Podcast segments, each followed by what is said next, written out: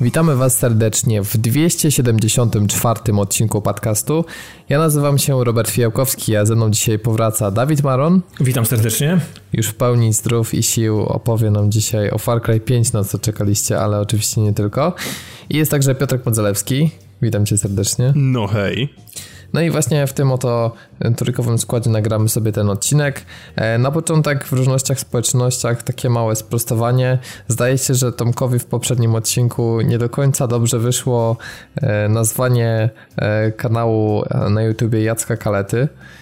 Próbuję sobie przypomnieć, czy on czasem nie wrzucił coś w stylu Asian Jam, a chodziło o Jab Spam, więc tak. no close, close enough, ale to jednak nie o to chodziło, więc oczywiście Jacku przepraszamy cię za ten błąd, który nie powinien się zdarzyć. Jeżeli chcecie więcej informacji na temat chociażby właśnie historii sery i takich e, jak Nier, no to, to zachęcamy na, na kanał Jacka. Zresztą, który jest od zawsze u nas stałym członkiem grupy i zresztą nawet ma też możliwość zbanować was, jak, jak, jak mu podpadniecie, więc lepiej oglądajcie i, Pamiętajcie i o jego materiały. opiniach. Dokładnie. Natomiast e, lepiej przestańcie oglądać e, statystyki odnośnie sprzedaży gier na Steamie, które to publikowane są e, za pośrednictwem serwisu Steam Spy, ponieważ ostatnio okazało się, że Valve mm, no niestety zdecydowało no, zmienić swoją politykę prywatności i nie będzie udostępniać w swoim API takich informacji jak na przykład liczba aktywnych graczy czy liczba sprzedanych kopii, co spowoduje, że taki serwis jak Steam Spy no generalnie przestanie istnieć i przestanie być czymś więcej niż tylko zbiorem wszystkich gier na Steamie, jakimś takim katalogiem.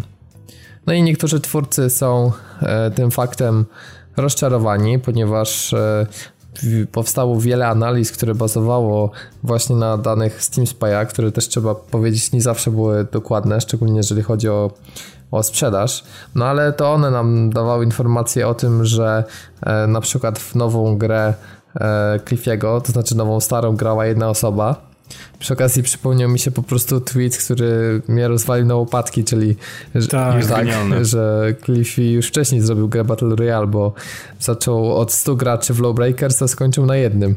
Więc no, po prostu zaorany do gołej ziemi. E, fantastyczny tweet. E, bardzo mi będzie szkoda, jak ten człowiek odejdzie po E3, bo to zapowiedział.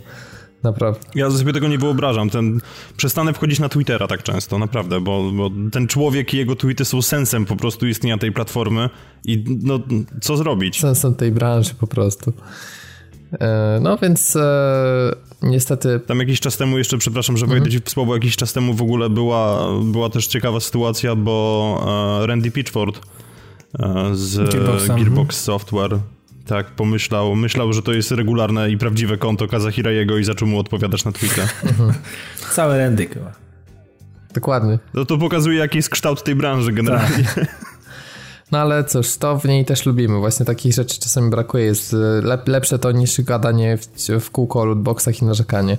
W każdym razie dużo też na podcaście mieliśmy informacji odnośnie tego, że właśnie nikt nie gra w grę Cliffiego B, albo że na przykład w Wildlands spadła liczba aktywnych graczy, czy w For Honor, a z kolei gry takie jak Rainbow Six potrafiły z tego nizowego po półtora roku od premiery dostać taki przypływ nowych graczy, że jakby było to nawet większe niż podczas premiery, no to były ciekawe dane, które naprawdę pokazywały, jak gry jako usługi się rozwijają.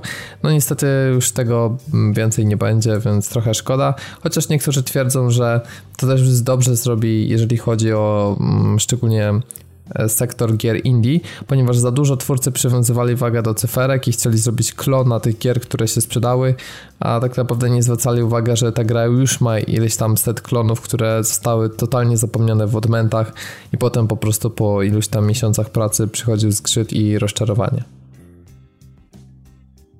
Więc nie wiem, Dawid, jak z tej perspektywy uważasz, że to dobrze, czy źle, że już tych danych nie będzie?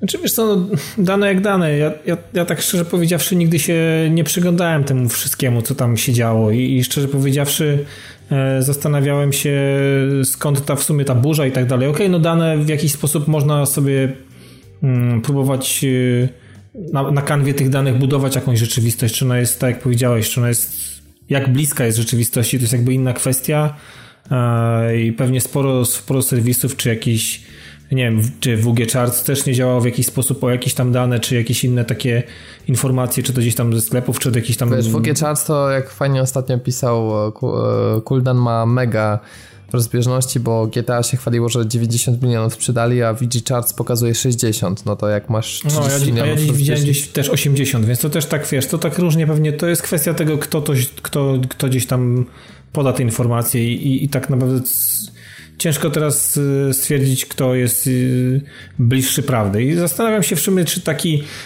No dla nas ok, no tak gadaliśmy chwilę przed nagraniem, że taki Steam Spy był jakimś y, takim zalążkiem pewnych rozmów. No chociażby teraz rozmawiamy o tym, mimo że specjalnie na nas, graczy konsolowych, to się w jakiś sposób tam nie przekłada i jakby nie odczuwamy tego, e, tak jak mówiłeś, że jak ktoś stwierdzi, że dana gra się fajnie sprzedaje na konsoli albo, albo nie wiem, widzi jakiś ruch, to da, zaraz są tworzone klony tego. Myślę, że to bardzo dotyczy rynku pecetowego.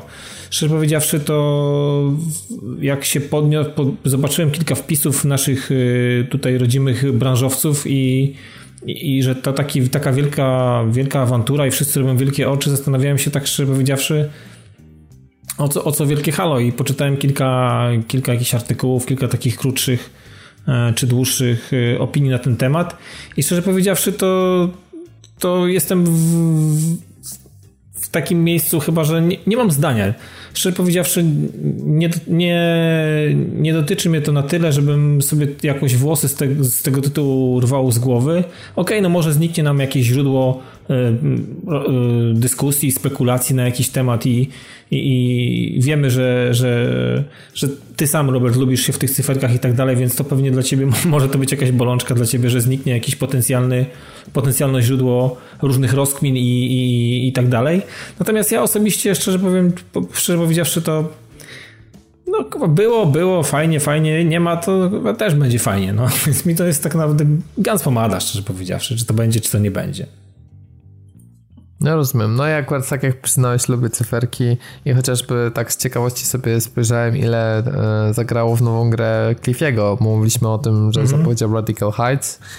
No i generalnie jest oceniona ta gra przez użytkowników na 56%, więc szału nie ma. No, a, nie. A, a w maksymalnym momencie wczoraj to grało w nią 7200 osób, a mówimy o grze darmowej, o której było całkiem sporo szumu, więc Myślę, że absolutnie nie ma e, nie ma tutaj szału, szczególnie jak się zobaczy, że zdecydowana większość graczy zagrała 20 minut i wyłączyła grę, nie wracając.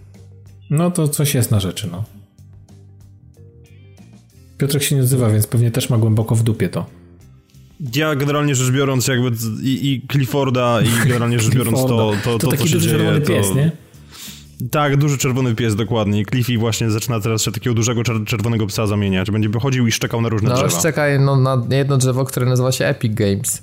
Między innymi chce im... Widzisz, nie dość, nie dość, że szczeka, to jeszcze gryzie rękę poprzedniego pracodawcy. To już w ogóle, to, to, to trzeba, wiesz, wysłać na, na jakieś zabiegi przeciwko wściekliźnie. Ale jak to się nie, nie skończy dobrze. Y, reklamę swojej gry, no bo napisał Hey Epic Games, czy możecie przestać podbierać mi pracowników? Właśnie wypuściliśmy Radical Heights na Unreal Engine 4 jesteśmy bardzo zadowoleni, jak to idzie. Mam wrażenie, że to ten tweet jest no, zrobiony celowo, żeby jakąś tam burzę niby wywołać, ale to jest tylko po to, żeby przypomnieć o grze i na, narobić więcej followersów. To jest takie strasznie sztuczne i dla mnie ten człowiek jest po prostu totalnie pogubiony i no ale no nie, ja się prostu... mu nie dziwię w sumie.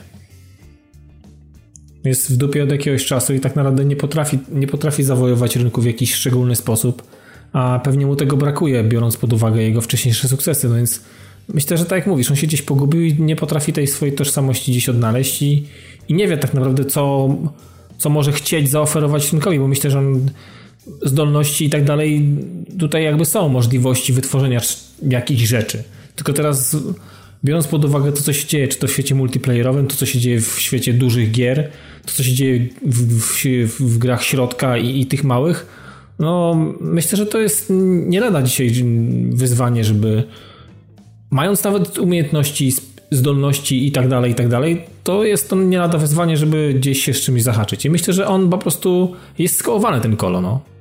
Wrzuciłem wam na e, Discorda filmik właśnie gifa, jakim promuje grę, no to biegnie koleś w różowych butach z jakimiś ochroniaczami, w fioletowych majtkach, fioletowych włosach i rozwala skopa drzwi, no to... Dziękuję, mm -hmm. usłyszałem dość. To jest właśnie, wiesz, mm, Radical Heights na jednym gifie. Nie, nie, nie, nie, to... to... Znaczy wiesz, no, znaczy to są takie, może to są jakieś takie próby, wiesz, yy, to, może to wygląda desperacko, ale no, zastanawiam się, może, może dzisiaj, wiesz, może branża jest dzisiaj w tak dziwnych, yy, w tak dziwnych yy, czasami momentach się budzi i zach, zach, zachwyca się różnymi, tak, tak różnymi rzeczami, że kurwa, dzisiaj kto wie, może, może to jest potrzebne, żeby biegać kimś takim i, i robić to właśnie i, i na to marnować czas. Pamiętajcie jedną rzecz, to będziemy pewnie do tego regularnie wracać, że yy, my, nas jest zdecydowanie już mniej, jeżeli chodzi o, o tą pulę graczy z takim stażem, z takim podejściem i z takim doświadczeniem growym, niż, niż tych, którzy dopiero co budzą się w świecie gier wideo i te gry, dostęp, gry wideo są dla nich bardziej yy, dostępne i łatwiej się znaleźć w tym świecie gier wideo niż nam, gdy mieliśmy te, te lat 8, 10, 12, 13 tam będąc nastolatkami, więc może takie główne dzisiaj zachwycają tych młodych ludzi, nie mam pojęcia. No nie wiem, ale naprawdę mam wrażenie, że wiesz, że nawet oni mogą być, wiesz, niezadowoleni z wielu rzeczy. No zobacz na przykład, Robert, jak często wraca dyskusja PUBG i Fortnite, że większość, e, czy to naszych słuchaczy i ludzi, których mamy, których mamy na grupie, E, mimo że ankieta może by nie wskazywała, którą kiedyś zrobiliśmy, co jest lepsze, czy Fortnite, czy PUBG, to jednak sporo, sporo osób, można powiedzieć w cudzysłowie dorosłych e, i, i którzy już z niejednego piesa chleb jedli, uważają, że Fortnite jednak jest za kolorowy, jest za, za cukierkowy, że, że jest taki, a nie inny w, w tej swojej oprawie i to powoduje, że o, oni są odepchnięci od, i wolą na przykład to kurwa koślawe PUBG, które w jakiś sposób, e, nie wiem, przymykają jedno czy nawet e, dwoje oczu na to i grają w jakiś sposób to i, i próbują się tam bawić. Co jest dla mnie i tak e, tutaj kudosy straszne dla tych ludzi, którzy to robią. Natomiast, ale widzisz, no to jest już taki jakby taki przedsionek tego, że potem taki Radical Heights wyjeżdża i kurwa, szczerze powiedziawszy, zastanawiasz się ty, jako człowiek, który gra w niejedno i widział już też niejedno, zastanawiasz się, po co ktoś zmarnował czas, żeby wyprodukować coś takiego i władował w to masę energii, pracy i, i w ogóle poświęcił się, żeby stworzyć coś takiego. A się okazuje, że jednak y, to są jakieś takie, podpatrują, wiesz, podpatrywanie tego, co faktycznie, jak wygląda Fortnite, że jednak można zrobić w miarę odjechaną grę, która mm, jeszcze w jakiś sposób y, kręgiem zatacza po tych, po tych, y, po tych kolesiach, takich jak my, jest w stanie ich zwerbować, a co dopiero z dzieciakami. I, i to, co się dzieje z, z, młodymi ludźmi, którzy w to napieprzają i, i jakie rzeczy się dzieją w, w trakcie tych rozgrywek. Więc no wiesz, no to jest jakieś próba takie, szukanie takiej, takiej tożsamości, wydaje się z, z niczego, z jakichś takich y, chaotyczne ruchy, ale może to nie do końca są, nie do końca są chaotyczne ruchy. Może jednak te, tak rynek gier ma wyglądać za chwilę, gier wideo, no. Ale taką tożsamością gier EA stały się lootboxy, tak, robiąc e, kolejne przejście do tematu, mhm. Po, ponieważ e, wiadomo, Battlefront 2 bardzo duże kontrowersje, o których mówiliśmy wiele, wiele jasne, razy. Jasne. Battlefield 1 miał to zrobione w sumie ok, tam nie, nie miałem żadnych problemów, muszę powiedzieć, jeżeli chodzi o mikrotransakcje w, w Battlefieldzie 1. Tak, mi to też kompletnie wisiało, wiesz? Tak, to mi wisiało, natomiast e, Peter e, nie przepraszam, Patrick Sutherland, czyli dyrektor do spraw projektów w EA, e, w tej chwili zresztą chyba ma nową rolę, e, stwierdził, że nie powtórzy EA błędów towarzyszących premierze Battlefronta 2 e, i że z, z, dokładnie przeanalizowali i zrozumieli wszystkie mechaniki monetyzacji lootboxów i innych elementów zanim trafią na rynek.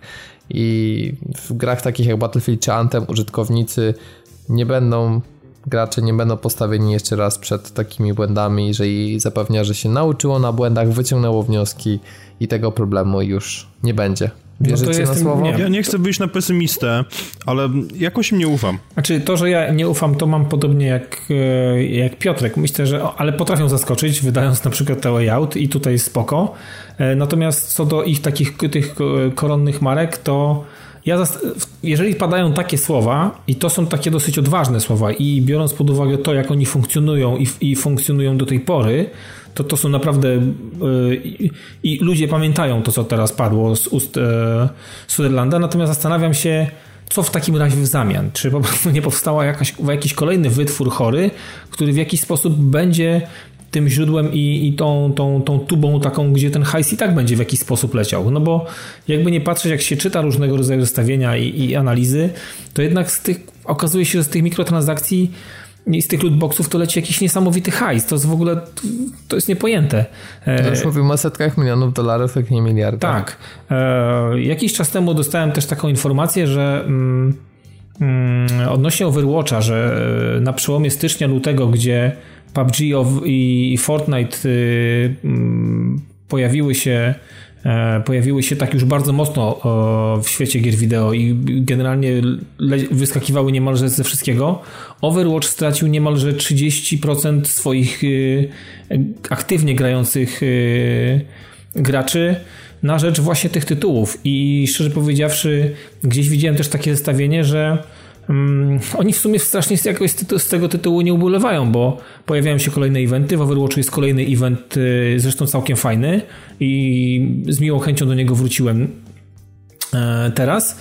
E, natomiast y, y, i tam chodzi, i to wiecie, to są takie lootboxy które mm, już wiele o tym razem mówiliśmy, niczego specjalnie w grze nie zmieniają. Chodzi o sam, po prostu jakieś same skiny. I tam nadal to jest. Nie no, kosmetyczne tak, zmiany. Są typowo kosmetyczne zmiany, i tam nadal z tego leci taki hajs, że to jest niepojęte, nie? Więc no, okej, okay, no, no można dlaczego powiedzieć... więcej graczy tego nie zrobi? Ale wiesz co, mam wrażenie, że to jest trochę jak z obniżką podatków. Niby wiele ludzi mówi i wiele razy były przypadki odnośnie tego, że jak obniżysz, to jesteś w stanie dostać większe wpływy, bo ludziom się mniej opłaca oszukiwać, a mimo to mało kto się na to decyduje, bo nie. I tak samo jest z lootboxami. Dajesz teoretycznie mniejszą wartość, bo dajesz tylko kosmetyczne rzeczy, a paradoksalnie masz większe wpływy, bo po prostu więcej ludzi może bez niesmaku takie lootboxy zakupić. I tyle. No, myślę, wydaje się, że to jest, wszystko zostało na ten temat już e, Pewnie tak, chociaż powiedziane. Co, osobiście nigdy nie kupiłem lootboxów, e, nie kupowałem lootboxów, natomiast nie no, widzę... Kupowałeś na przykład samochodziki do Rocket League, nie? które są też taką formą moim zdaniem mikro. O tak, ale ja to traktowałem bardziej jako takie, wiesz, e, dziecięce marzenie zbierania resoraków. I, i no a ktoś może ma dziecięce marzenie zbierania skinów postaci w Overwatchu. Nie? Jak najbardziej, wiesz, no szczerze powiedziawszy tak jak gram regularnie w Fortnite'a, e, może ostatnio trochę mniej, ale tam też wydałem trochę pieniędzy, e, ale gra jest darmowa, więc kupuję sobie, kupiłem sobie teraz drugi, drugi raz pod rząd, kupiłem sobie ten karnet bojowy na cały sezon, więc, e, ale to wiesz, to, to też są wydatki rzędu 40 zł raz na 3 miesiące, więc to też jest taka kwota, która cię nie zabija, więc w żaden sposób, szczególnie, że za grę nie płacisz i, i, i, i to, co się, i to, jak ona się zmienia, jest po prostu czymś rewelacyjnym. Natomiast, no, czasami, czasami mam poczucie, że mm, należy się, albo, albo, albo to, nie jest, to nie jest jakiś taki, taki zły ruch. Jest to, jest to na tyle dobrze skrojone, tak na tyle, na tyle dobrze zbalansowane, że kupując te, taki, taki właśnie czy karnet bojowy, czy no, lootboxa akurat w Overwatchu nigdy nie kupiłem.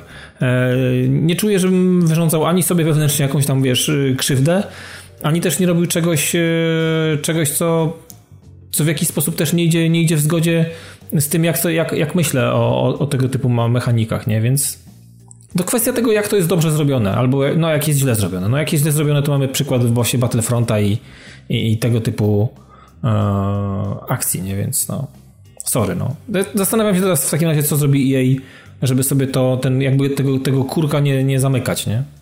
Ciekawe jest to, że EA mm, jakby sądziło, że bardzo słabo się sprzeda A Way Out i nie wpłakowało niesamowicie dużej kasy w kampanię marketingową, a tu okazało się, że ponad milion sprzedanych egzemplarzy, co jak na grę właśnie tego budżetu, taką mhm. właśnie pomiędzy Indie a AAA, podobnie jak z Hellblade, okazuje się świetnym wynikiem, więc e, twórcy są wynagrodzeni za ciężką pracę i za wspaniałe pomysły i odwagę i tu można się cieszyć, bo branża potrzebuje nagradzania takiej odwagi i zarówno Hellblade jak i A Way Out były ryzykiem i są raczej mm, grami skierowanymi właśnie do takich osób jak my, bardziej dojrzałych graczy i wciąż mhm. jest na szczęście na to rynek bo nie może być tak, że tylko i wyłącznie będziemy mieli te wszystkie klony gier multi i po prostu nic dla pojedynczego gracza, takich historii, które na parę godzin nas po prostu totalnie wyrywają z fotela i pozostawiają e, na długo w pamięci, no bo ja jestem i tak zdania, że oczywiście można mieć wspaniałe historie na multi, świetnie się bawić ze znajomymi, ale to jest inne doświadczenie. Potrzebujemy moim zdaniem i tego, i tego.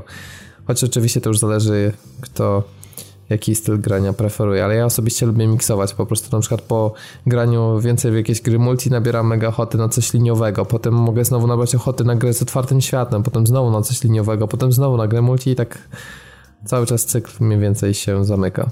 Też tak w ogóle macie, że... Znaczy ja mam podobnie musicie trochę sobie balansować, bo wiesz, ciąg, ciągłe oranie, wiesz, na przykład takiego Overwatcha czy Fortnite'a u ciebie to już trochę, trochę by znudziło, jednak trzeba a to raz jakąś mniejszą grę, raz większą, trzeba przeplatać po prostu. Ja to też tak nie umiem, wiesz co, yy, nie, ja się do tego, chociaż jeżeli chodzi o multi, to, to ja nawet nie mogę grać w jedną, w jedną grę multi, muszę mieć dwie, dlatego teraz od dłuższego, od dłuższego, od miesięcy to tylko Overwatch, Fortnite na zmianę, czasem przy większym patchu uda mi się odpalić Battlefielda 1, e, ale to raczej, raczej rzadziej niż częściej. E, no i cały pierdyliard tych wszystkich małych rzeczy, z których niektórzy się śmieją, że w ogóle w to gram, więc no ale to ja po prostu bym chyba oszalał, zwariowałbym po prostu, gdybym pizgał tylko i w to samo. Nie wiem, czy w ogóle mm, miałbym, wiesz, na tyle zaparcia i tyle siły, energii, żeby faktycznie rąbać tylko i wyłącznie Overwatcha czy takiego Fortnite'a. To po jakimś czasie naprawdę się ulewa, no. Ja się do tego nie nadaję kompletnie. No widzisz, u mnie z kolei nie ma tak, że jest jakaś sinusoida ja mogę usiąść po prostu i za przeproszeniem opierdolić cztery open worldowe gry pod rząd. Jakby specjalnie mi to nie robi. Jeżeli się w nich dobrze bawię, to wiesz, to nie, ma, nie mam z tym problemu, ale ja jestem przypadkiem dość dziwnym, biorąc pod uwagę moje granie w Borderlands i w Destiny, więc no... no e, cztery open worldowe gry z rzędu mogę odpalić, czyli Mass Effect 1, 2, 3 i Andromeda. nie, nie, nie, nie, nie zaprzeczam, nie potwierdzam. A jak tam twoje podboje w Andromedzie? Przypominam sobie, że grałeś coś chyba, zainstalowałeś. No, powoli do przodu coś tam gram. Mhm, czyli, czyli gówno jednak? grasz, czyli gówno, nie grasz. Nie no, ostatnio, ostatnio moja PS4 niestety odmawia mi trochę posłuszeństwa, więc... A co znaczy trochę odmawia? To znaczy, Wy, jak ściekła suka. Nie, nie, nie chodzi o to, że wyje, tylko bardziej po prostu chodzi o to, że od premiery już kilka razy się zdarzyła taka sytuacja, że po prostu przechodzi stan śmierci klinicznej. No. I no, niezależnie od tego, no znaczy może inaczej, już wiem teraz, co, co trzeba z tym zrobić, ale jest to dla mnie wysoce niepokojący stan. To jest zresztą coś, co dzisiaj już na grupie rozgrywki bodajże było poruszane. E, mianowicie chodzi po prostu o to, że konsola nagle się wyłącza i nie ma ochoty potem się odpalić jedyny odgłos życia, jaki z siebie wydaje jest taki, że jak się wyjmie kabel zasilający, a potem się go wsadzi, to konsola wydaje z siebie pojedyncze pipnięcia, ale się nie odpala. Mhm. I u mnie remedium jest to, żeby ją przedmuchać suszarką z zimnym powietrzem, w sensie bez grzania. Nie wiem o co chodzi, bo ona jest regularnie czyszczona i, i, staram się o nią raczej dbać, szczególnie, że no w prosiaku jest ta możliwość, żeby ściągnąć pokrywę i jest pewnego rodzaju dostęp, no może niezbyt duży, tak, ale jednak można trochę ją oczyścić i staram się to robić regularnie, natomiast no to już był trzeci albo czwarty przypadek, kiedy po prostu nagle, a niespodziewanie E, się no to w jakimś takim krótszym odstępie czasu to się dzieje u Ciebie w Twoim przypadku? Nie, wiesz co, to jest, to, jest, to jest rozciągnięte i to właśnie jest kompletnie randomowe, bo w ogóle pierwszy raz mi się to zdarzyło w listopadzie 2016 roku, czyli w miesiącu, kiedy była mhm. premiera, bo siedziałem i grałem ze znajomymi w Titanfalla 2 i po prostu nagle się wyłączyła i właśnie ciekawe jest to, że od tego czasu miałem tak jeszcze w zeszłym roku jakoś, nie wiem, w okolicach czerwca, potem w grudniu zeszłego roku to miałem w momencie, kiedy grałem w GT, w GT Sport i wtedy rzeczywiście była jak bura suka, a teraz po prostu było tak, że oglądałem Netflixa, ściągnęła mi się aktualizacja, ta najnowsza, te 5.53 bodajże. I zanim zdążyłem ją, ją, ją normalnie zainstalować, to po prostu e, kliknąłem przejść w stan czuwania, bo miałem wyjść z domu i nie chciałem za bardzo właśnie zaczynać instalacji w tym momencie. Kliknąłem, że przeszła w stan czuwania i po prostu się wyłączyła na amen, więc nie Jasne. wiem. No, trzeba uważać, bo jednak ta PS4 Pro, no szkoda, że Sony dało ciała, jeżeli chodzi o jakość wykonania, bo to w ogóle nie ma startu do do Xboxa One. A no do Xboxa to już chyba w ogóle. No. No bo na przykład o Slimach nie słyszałem żadnych problemów, nie? Slimy są takie bardziej trochę dopracowane i cichsze i mniejszy połowę energii, no ale... To też pewnie zależy od modelu, bo ja z doświadczeń ze swoją po prostu nie miałem takich... Ona po prostu bardzo szybko o, po kilku raptem miesiącach też yy, pracując w otwartym takim, wiecie, komfortowym, można powiedzieć, środowisku i regularnie czyszczona, odkurzana, dmuchana i tak dalej, cokolwiek, czego tam człowiek nie chciał robić. Tak to standardowo się dba o tego typu sprzęty. Chociaż o Xboxa One mm, rzadziej przychodziło mi dbać o niego, ale on po prostu od, przez tyle lat, co go miałem, ani razu ja go nie słyszałem, ani razu. Eee, przy Xboxie One X zdarza mi się słyszeć go mm, w momencie, kiedy, znaczy zauważyłem zwiększony jakby szum w momencie, kiedy wszedłem w posiadanie wyświetlacza 4K, więc no no to już, to już tam gdzieś go, jak jestem blisko, to go gdzieś tam słyszę. Natomiast to i tak jest poziom, który, do którego no PS4 to w ogóle, ona jak jest stand-by, to jest ci głośniejsza niż on jak chodzi przy 4K, więc no to nie, to, to nie da się tego w ogóle porównywać, nie? Natomiast muszę wam powiedzieć, że trochę zaskoczyło mnie bardzo pozytywny y, jakby feedback, który przez fora oraz przez przede wszystkim social media, Twittery się e, pojawił przy okazji zapowiedzi Shenmue 1 i Shenmue 2, e, które pojawiły się na PC, PS4, Xbox One w odświeżonej wersji. E, a to też dlatego, że o ile jakby rozumiem sam kult, jaki wokół się całej serii pojawił i, i zdaję sobie sprawę, że to jest coś, na, na co posiadacze czekali, natomiast w dobie takich remasterów, które naprawdę są niesamowicie dopracowane, no to jakby ten poziom grafiki, który został zaprezentowany ten poziom odświeżenia no wygląda biednie przy, przy tym, do czego nas przyzwyczaiły remastery. No, mam wrażenie, że to bardziej wygląda jak odpalenie na kompatybilności wstecznej niż faktycznie, wiesz, prawdziwy remaster. Co prawda te gry wyszły w roku 2000 i 2001, więc to naprawdę jest y, szmat czasu. Dwie dekady prawie, no. No tak, ale no nie wiem, czy mieliście okazję się zapoznać, jak to wygląda. Ja w ogóle nie znam marki, więc no ja się w ogóle nie starałem w ogóle z, z Shenmue, więc... Jeszcze jak na, Switch, ja pamiętam, na Switcha jakby to wyszło ja jeszcze, pamiętam, to że... biedy na wersji mobilnej, nie? Ale nie wyjdzie ja na pamiętam, Switcha. Pamiętam, że dawno, dawno temu, przepraszam, czy mogę? Proszę. God fucking dammit. Pamiętam, że dawno, dawno temu był taki portal, na którym zresztą Robert się. Grono.pl Grono. Tak. I nie, o Jezu Chryste, tak. Nasza klasa i eurogąbki, no. E, I na tym, na tym, że portalu był taki jeden człowiek, który dowodził tym wszystkim teoretycznie. Który w wypadku, kiedy się. Była taka fraza Quick Time Event, która go triggerowała i zawsze wyskakiwał z faktem, że Shenmue miało pierwsze Quick Time Eventy. Mam tą grę tak obrzydzoną, że nie chcę o niej słyszeć. Po prostu niech wychodzi, jest kultowa, świetnie, jeżdżenie wózkami widłowymi, protoplasta GTA, najlepsza gra na świecie, uuu, w dupie to mam za przeproszenie. Może jestem ignorantem, ale po prostu, nie wiem, jakoś percepcja tej gry jest dla mnie taka, że jest, to jest, fajnie, niech się fani cieszą. No, jeżeli ktoś rzeczywiście czuje potrzebę tego, żeby wybudować tej grze ołtarzek, to niech na YouTubie znajdzie takiego pana, który się nazywa Adam Koralik. Koleś ma zajebisty naprawdę web i, i o konsolach wie w opór rzeczy ma niestety też ten, tą wadę, że jara się strasznie Shenmue, więc jeżeli trafi swój na swego, to może poczuje się dobrze na jego kanale, no, ale mnie to jakoś kompletnie tak nie. Nie. Niemniej pozdrawiamy, to po pierwsze, bo ja też mi się zawsze z Tomkiem Doktorskim będzie Shenmue kojarzyć, a, a po drugie no cieszę się waszym szczęściem, ale jakby Chciałbym, żeby trochę oprawa, jakby więcej Sega poświęciła czasu, żeby tą oprawę odświeżyć, żeby faktycznie przekonać nowych Grafika graczy. to nie wszystko. Ja wiem, że to nie wszystko, ale wiesz, to zagrają najbardziej zagorzali fani, ale to nie chyba nie o to chodzi, bo dla mnie przykładem tego, jak robi się remaster, chociaż to nie jest żaden remaster, tylko kompatybilność wsteczna, to jest Red Dead Redemption. No to jak to wygląda w, w natywnym 4K. Ale stary, dzisiaj jedziesz z tymi płynnymi przejściami po prostu tak, że uh. A to jak zwykle mnie przerywasz, co wszystkich denerwuje Oczywiście tak, ktoś, ktoś musi je psuć. No, jesteś po prostu taki psuj. No to dawaj, proszę, mów, RD. Działałeś, odpalałeś? Grałeś, odpalałeś. Pochwal się tak Grałem, mądry. odpalałem. Odpalałem i zdecydowanie. Ja mam nadzieję, że po prostu się po raz kolejny od tej gry nie odbije, bo ja nigdy nie przyszedłem Red Dead Redemption. Poważnie, ja mam tą grę na płycie od lat, nie wiem, kurde, nie pamiętam kiedy ona wyszła, to było chyba 2009? Nie. Mam ją... 2010 nie? albo 11.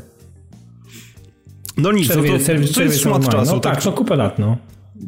To jest szmat czasu, ja ją mam w zasadzie, bo kupiłem ją po prostu kiedyś tak, no, słyszałem sporo o tym tytule, tata, kupiłem ją I wiem, że pożyczałem tą grę, że inni ludzie grali na mojej kopii, a ja jakoś tak przeszedłem chyba ją do tego etapu, że dostałem pierwszy achievement za coś i, i się od niej kompletnie odbiłem. Więc no... Nie wiem, nie wiem, jakoś no, może tym razem mi się uda do niej podejść. Wczoraj odpaliłem i pograłem tak, nie wiem, z godzinę mniej więcej, więc nie czuję się jeszcze w to wszystko specjalnie wkręcony, ale no... Zobaczymy, dam jej jeszcze jedną szansę. Albo ona da mi, nie wiem jak na to patrzeć w tej chwili. W każdym razie emulacja we, we wsteczności na, na Xoxie wypada zjawiskowo i chociaż no widać wiek tej gry, no bo nie oszukujmy się, nie wszystko da się zatuszować odpowiednią warstwą podkładu i innych tego typu pierdół, to jednak no wygląda to zdecydowanie lepiej niż pamiętam i jest dobrze. Jest dobrze, bo jest przede wszystkim stabilnie. Ja pamiętam właśnie, że na 360 ta gra niestety ale potrafiła swoje przyciąć i no to, to trochę zaburzało immersję, brzydkie słowo. Więc tutaj z kolei jest fajnie, jest płynnie, no i oczywiście można sobie po prostu w komforcie domowego zacisza x lat po tym doświadczyć tego w glorii i chwale 4K. Więc ja zdecydowanie polecam. Chciałem powiedzieć, że polecam ten remaster, ale to nie jest remaster, więc po prostu... Chyba nie ma sensu, po co płytę... robić już remaster, skoro dostajemy to... Przecież RDR swojego czasu był za darmo w Games with Gold, czy, więc szansa, że ktoś ma na swoim koncie tego RDR-a, nawet jak pożyczył komuś fizyczną kopię, jest bardzo duża. Dokładnie. Znaczy ja odpaliłem i no powiem, że ściągajcie. E, też pograłem dosłownie chwilę, bo ja jakby specjalnie w tej grze nie mam czego szukać. E, zainstalowałem tylko i wyłącznie e, z czystej ciekawości, bo mam jakby na PS3 skończyłem i byłem bardzo zadowolony z tego. Chociaż też podchodziłem do tej gry dwa razy. Kupiłem na premierze, ale przejeżdżała dwa lata e, zanim ją skończyłem, więc e, to też taki Chyba, ale chyba co? Najlepsze jest to, że ja miałem dokładnie to samo. Więc wszyscy jakby wychwalamy RDR, ale trzeba powiedzieć, że ta gra miała trochę skopany mm, taki, brzydko mówiąc angielskiego, pacing, no ale szybkość rozwijania akcji i Zawsze było tak, że zagrało się te kilka godzin i po prostu z jakiegoś powodu nie chciało się, bo widać było tą mapę zawaloną tym wszystkim i po prostu trochę to przytłaczało, a potem był taki moment, że fabuła się rozkręcała, było im bliżej końca i po prostu człowiek się tak wciągał, że jak skończył, to był po prostu podjarany i no goty krzyczał, wytyki na twarzy. No powiem ci, jak trafiasz, do, trafiasz na ten początek. Tak jak, jak jesteś w Armadillo, ok, i, i, i, lecisz do tego fortu, tam jest ta wielka drama, i potem y, trafiasz po prostu ranny do, do, tej, do tej farmerki, i tam po prostu. Ja, ja, tam, ja tam trzy razy chyba do tego momentu dojeżdżałem, coś tam porobiłem, popolowałem na jakieś kojoty, pomogłem jej w czymś. I generalnie zapominałem. I znowu zapominałem o tej grze. I, I wydaje mi się, że jak się przejdzie już ten moment, i zaczną, nie, jeszcze czasami tam robiłem coś dla marszala robiłem i to pierwsze polowanie tych typów tam, że trzeba ich przywieźć z powrotem albo martwego, albo żywego, tam gdzieś dochodziłem i porzucałem. Ale moment, jeżeli, jeżeli to się uda przełamać, ten, ten, taki, ten taki fragment, potem zaczyna się naprawdę robić zajebiście i potem to już ciągnie do końca, więc no... Ta gra po prostu ten początek ma taki, że on, y, on, on nie robi wrażenia na człowieku specjalnie, ten początek. Z jakiegoś powodu ten początek jest do dupy, no, szczerze powiedziawszy. Tak mogę chyba to nazwać. Więc ja no tak zawsze o tym, się, o tym się mało mówi, bo się trochę gloryfikuje Red Dead, a przecież twórcy mają bardzo często bardzo dokładne informacje odnośnie Dokładnie. tego, w którym momencie gracze przestawali grać, więc mam wrażenie, mam nadzieję, że tacy mistrzowie kodu jak Rockstar ogarną temat i że w dwójka będzie po prostu miała lepiej rozłożone to tam po rozwijaniu akcji. No ja bym tego życzył tej grze, no. Także ja się tobie, Piotrek, nie dziwię, że był ten moment, że odłożyłeś, bo ja też odłożyłem, tylko po prostu wróciłem. Miałem na szczęście czas, żeby wrócić i wtedy jakby bardzo się z tego powodu cieszyłem. Chociaż pamiętam, że darowałem sobie achievement na przykład za zbieranie ziółek, bo to była jakaś masakra.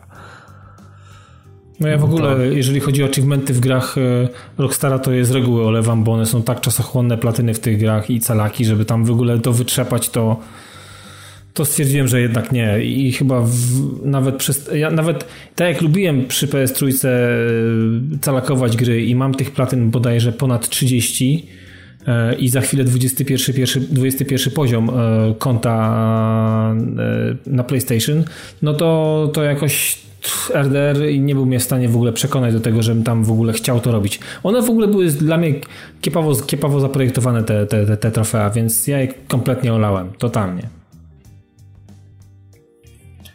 No więc Piotrek, graj, skończ, będziesz miał dobry podkład pod dwójkę. No jest taka szansa. No zobaczymy, zobaczymy. No chyba, że wrócisz do innej potoczy. gry z dwójką w tytule, czyli Destiny 2, które niedługo dostaje dodatek Warmind, który został już oficjalnie potwierdzony. Przy okazji twórcy pochwalili się też planem rozwoju gry e, na najbliższe mhm. miesiące, czyli mhm. można powiedzieć do września. Do września. Natomiast jedno pytanie mam do ciebie jako eksperta. Do tej pory wydawało mi się, że jak są sezony w Destiny, to że one trwały jakby cały rok, a dlaczego teraz jest Wiesz co?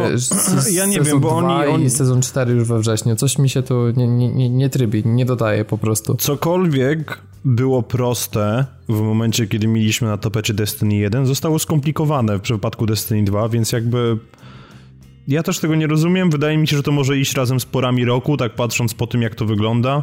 Chociaż nie do końca, no bo w maju się nie zaczyna wcale wiosna, więc nie wiem, nie mam żadnego pojęcia. Może to są po prostu jakieś kwartały, które oni wliczają na podstawie, nie wiem, faz księżyców Saturna albo czegoś w tym stylu. Więc nie wnikam w to, jakby średnio mnie to na tym etapie interesuje. Wiem, że DLC ogram tak czy inaczej, chociażby, nie wiem, z obowiązku nazwijmy to, bo to jest DLC, które może być bardzo ciekawe dla takich lorowych ćpunów, jakim, jakim ja jestem um, zważywszy na, na, na przesłanki, które były do tej pory, więc no dla samej historii owszem chcę zobaczyć, co oni wykombinują, ale tak długo jak nie zmieni się mechanika w tej grze, tak długo jak nie przywrócą więcej rzeczy z jedynki, jakkolwiek debilnie to brzmi, to ja nie widzę szans za bardzo na powrót, bo oni próbują takimi jakimiś podrygami, mają swoje zrywy, ale znowu komunikacja leży, no bo fajnie, że 8 maja, czyli za niecały miesiąc wychodzi trzeci dodatek, czy drugi, przepraszam, ale my nic o nim nie wiemy. I podejrzewam, że jeżeli dalej tak pójdzie, to się skończy tak, że znowu wybuchnie jakiś shitstorm, bo się okaże, że coś spieprzyli, i community po prostu by ich zżarło, więc anulujemy streamy i nie mówimy wam nic. Ci, którzy mają season passy, to hej, zapłaciliście nam, więc tak to dostaniecie, a cała reszta bujać się, bo generalnie rzecz biorąc to jest pogrzebione. Tak, generalnie zawsze, nawet w jedynce pamiętam taką sytuację, że gracze bez kupowanych dodatków bardzo szybko po prostu zostawali na lodzie i nagle tracili dostęp do Nightfalli e, czy, czy do części PvP wyglądało to niestety bardzo słabo. W ogóle dużo jest y, tych elementów wrzuconych w, w tą tabelkę, ale jakby się tak zastanowić i, i tak w zasadzie mm, przeanalizować, to wychodzi na to, że to nie jest nic ciekawego i nic, co znacząco przybliży grę do jedynki. Wiesz co, nie, to nie jest nic ciekawego. Znaczy modyfikatory na Heroic Strike mogą być ewentualnie fajne. E, te karty, karty wyzwań, challenge cards o Nightfall, podejrzewam, że to będzie po prostu kolejne gówno. Multi-emot po prostu sprawia, że czuję się jakby supermodelka przeciągnęła ręką po moich spodnie. Chwilę, jednak nie, bo mam to serdecznie w dupie, bo multi-emoty są na social space'ach, gdzie na ogół się nie bywa, bo nie ma po co. Więc prywatne mecze, świetnie, grupa czpunów PvP będzie mogła sobie patrzeć, kto ma dłuższą lunetę od snajperki w swoich własnych meczach i w zasadzie no nie ma tutaj nic, co mnie przyciągnęło. Jedna jedyna rzecz, która rzeczywiście sprawiła, że zacząłem się zastanawiać nad tym, co może być w przyszłości i czy, czy wydarzy się coś fajnego, to jest Season 4 na, na wrzesień, gdzie jest taki subtelny napis Weapon Slot Changes. Czyli być może ktoś w Bungie poszedł po rozum do głowy i to, co zrobili rok temu, teraz cofną i nagle się okaże, że sloty na broń będą miały więcej sensu, bo przywrócą stary system. Chociaż podejrzewam, że to nie jest to i po prostu będzie można więcej broni jednego danego typu ze sobą nosić, a nie, nie, nie przebudować system samego uzbrojenia. Dawid, rozumiem, raczej się nie wybierasz do świata Destiny 2 w najbliższym no, czasie. No chyba żartujesz sobie. Tak jak miałem, tak nie mam chyba. No, no więc myślę, że nie ma co chyba drążyć dalej tematu. E, ja na koniec pozwolę sobie na mały rant e, związany z Wiedźminem 3. Powiem, czekałem na to, żeby wrócić do gry i skończyć też dodatki po tym jak HDR miał się pojawić po długim czasie od wersji Xbox One na PS4 Pro. Pojawił się patch 1.61. Okazuje się, że HDR jest dużo gorszy niż na niestety na konsoli Xbox One X. W dodatku z jakiegoś dziwnego powodu e, twórcy wprowadzili niesamowity popin po obiektów, które po prostu pojawiają się zaledwie po kilku metrach. Drzewo nam się nagle zaczyna, wiecie, z niczego pojawiać tuż przed nami. No to jest sytuacja, która jakby po raz kolejny mnie załamuje, bo gra jest rozwalona. No, jest jeszcze więcej bugów, które pojawiły się w nowym patchu i znowu trzeba czekać na aktualizację. Nie wiem, jak dodanie takich teoretycznie prostych elementów może tak uprzykrzać rozgrywkę, bo nie wiem, niektórzy sugerują, że to być może chodziło o to, żeby pogorszyć grafikę, aby była lepsza płynność, bo na poprzednim patchu, który się pojawił do obsługi PS4 Pro, gra działała gorzej niż przed patchem. Ten patch miał to naprawić, ale spieprzył co innego i tak w kółko, i tak w kółko. No, tutaj się nie wypowiem. Nie gram, nie gram ani ja w Wiedźmina 3, ani nie mam PS4 Pro, dziękuję. Dobranoc. Ja bym chciał powiedzieć coś sensownego, ale ja dalej do Wiedźmina się nie dobrałem, no. więc no. ja mam straszne zaległości w ogóle jakieś, kurde. No bo, wiesz co, bo ty, Piotr, generalnie grasz tylko w gry, jakie... Tak, wiem, gram w gry, które znam. No okej, okay, tak, słyszałem to już. no ale to jest czysta prawda, potem wychodzi Wiedźmin? Nie. Red Dead Redemption? Nie. Shenmue? No, ciągnij dalej, śmiało, no, kontynuuj. taką listę jakby stworzył, nie. to... Nie, potem, nie, zakochał się na chwilę w Titanfallu 2.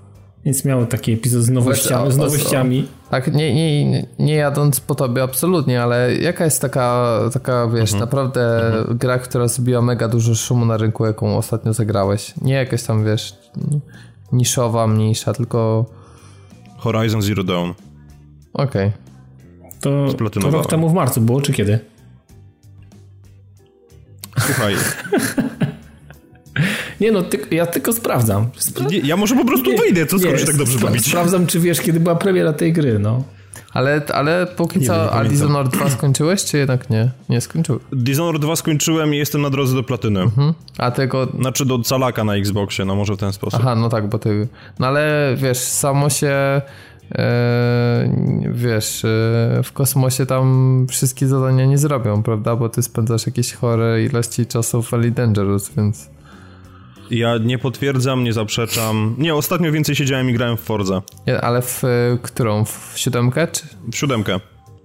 I jakby co? No bo masz też GT Sport, a jednak Forza cię bardziej wciąga, przez to, że jest więcej rzeczy do roboty. Przez to, że jest więcej rzeczy do roboty, przez to, że jest normalny tryb kariery i jakoś, nie wiem, jest, jest przystępniejsza moim zdaniem po prostu. Poza tym jest jeszcze kwestia pada i nie mówię tutaj o samej ergonomii DualShocka, no bo jakby nie bardzo rozumiem to, że ludzie mają z nim problem, tak? Ja osobiście go nie mam, więc no siłą rzeczy też nie bardzo kumam o co chodzi. Natomiast jest kwestia taka, że w grach wyścigowych ten system, który Microsoft zaimplementował przy okazji Xboxa One, czyli wibrujące triggery, to jest po prostu coś, co no, monumentalnie podnosi komunikację między samochodem a drogą i to, co, to, to, to wszystko, co do ciebie trafia, te wszystkie informacje o zablokowaniu kół, o utracie przyczepności i tak dalej. Więc jakby czerpię więcej radości z jazdy jeżdżąc w Forzie niż w Gran Turismo, mimo że te modele są w pewnym sensie no, porównywalne, tak?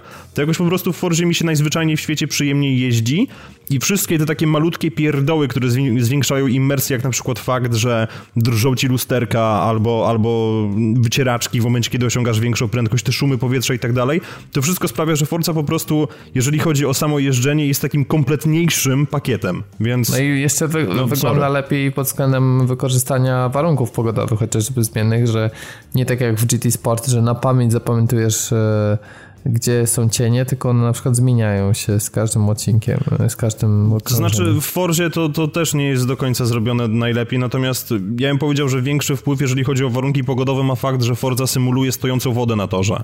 I w momencie, kiedy po prostu ci coś, rzeczywiście masz opad deszczu i następnie po prostu stoi ci kałuża, to ona potrafi ci kompletnie namieszać, naprawdę, bo, bo, bo no, wpadasz po prostu i masz aquaplaning na jednym kole nagle. Więc wyzwanie rośnie po prostu kaskadowo.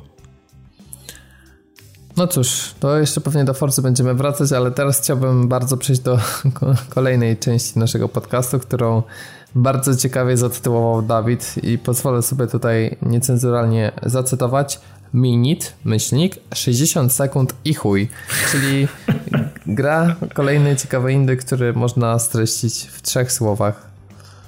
Właśnie no, produkcja, no, którą no, ograł tak. nikt inny jak Dawid, więc... No, kto, kto, tak. kto, kto inny mógł to ograć, jak to wygląda, jak wiesz, Ale grał czekaj, czy nie była czasem kiedyś taka gra jak e, Half Minute Hero albo coś... Czy, coś, takiego, coś takiego było. Pamiętasz to w ogóle? Ja to, ja to kojarzę, ja w tym nie grałem, ale... E, bo znając życie... To w ogóle była świetnie oceniana tak. gra, też takie właśnie pixelartowe i tam... Znaczy ja z jakiegoś... Skol... Ja chyba nie, mhm. wiem, dlaczego nie grałem, bo to pewnie nie pojawiło się na konsolach. To się pojawiło się, to było na PSP. No widzisz, no to, to nie wiem. Ja kojarzę tytuł, natomiast ja nigdy w niego nie grałem. To tam ja przepraszam, że już na chwilę wtrącę, mhm. ale mam po prostu taką refleksję, bo ostatnio u znajomego widziałem PSP, które notabene ja jemu sprzedałem, jak, jak kupiłem mhm. bitę. Jezu Chryste, jaki ten sprzęt jest toporny, jak on się potwornie zestarzał.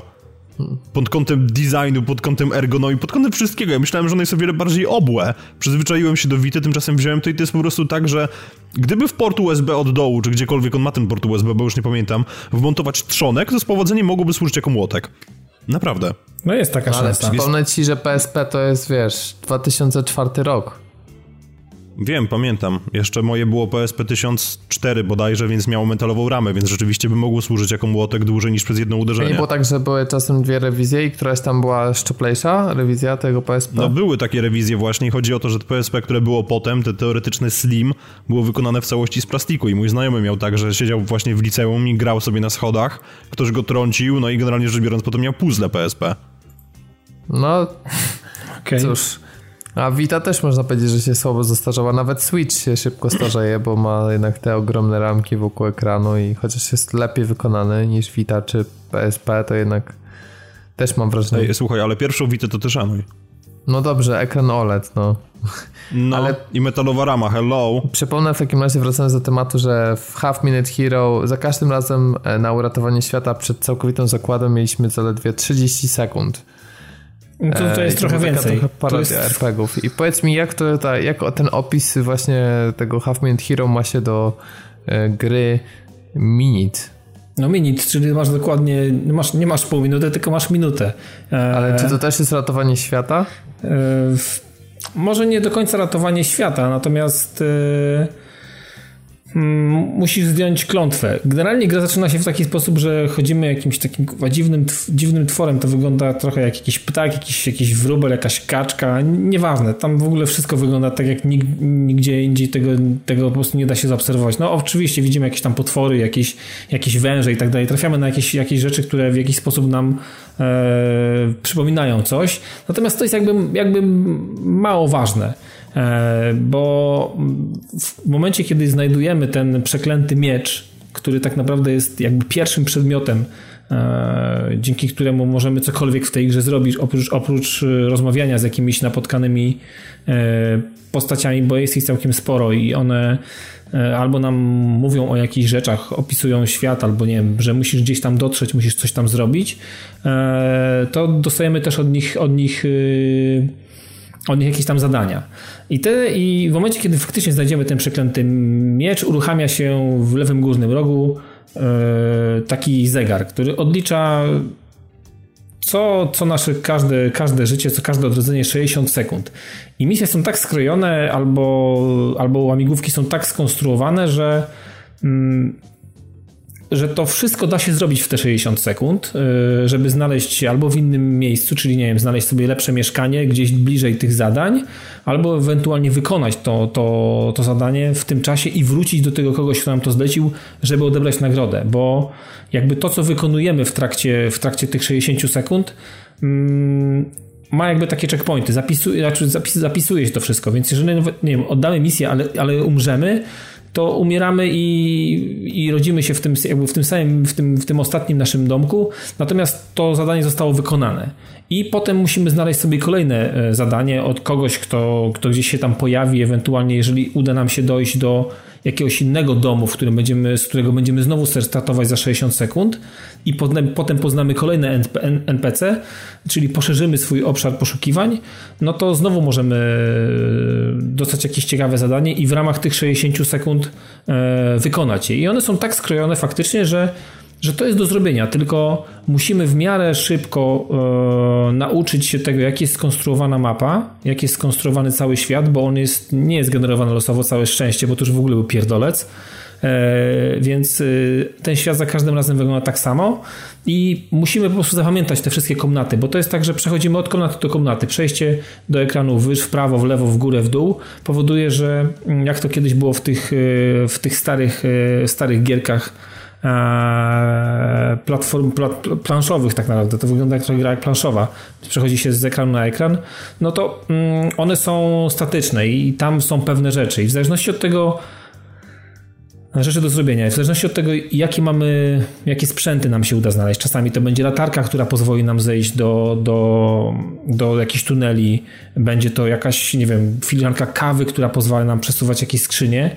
Mm, no to możemy w pewnych, na tych pewnych planszach coś zrobić. Miecz pozwala nam rozwalać, nie wiem, ścinać jakieś drzewa, rozwalać jakieś, wiecie, słoiki, e, czy, czy jakieś krzaki, przez które możemy szybciej się gdzieś dostać i możemy po prostu przez to przejść. Mm, I to jest jakby nasze główne narzędzie, e, e, z którym praktycznie cały czas latamy i ten stwór ma to w łapie. Natomiast powiem wam, że jest niesamowicie... Znaczy duż, duża satysfakcja idzie z, z granie w ten tytuł. Abstrahując już od tego, jak on wygląda, że jest czarno-biały, że w ogóle kosztuje 35 zł i w ogóle można ukończyć grę w 90 minut.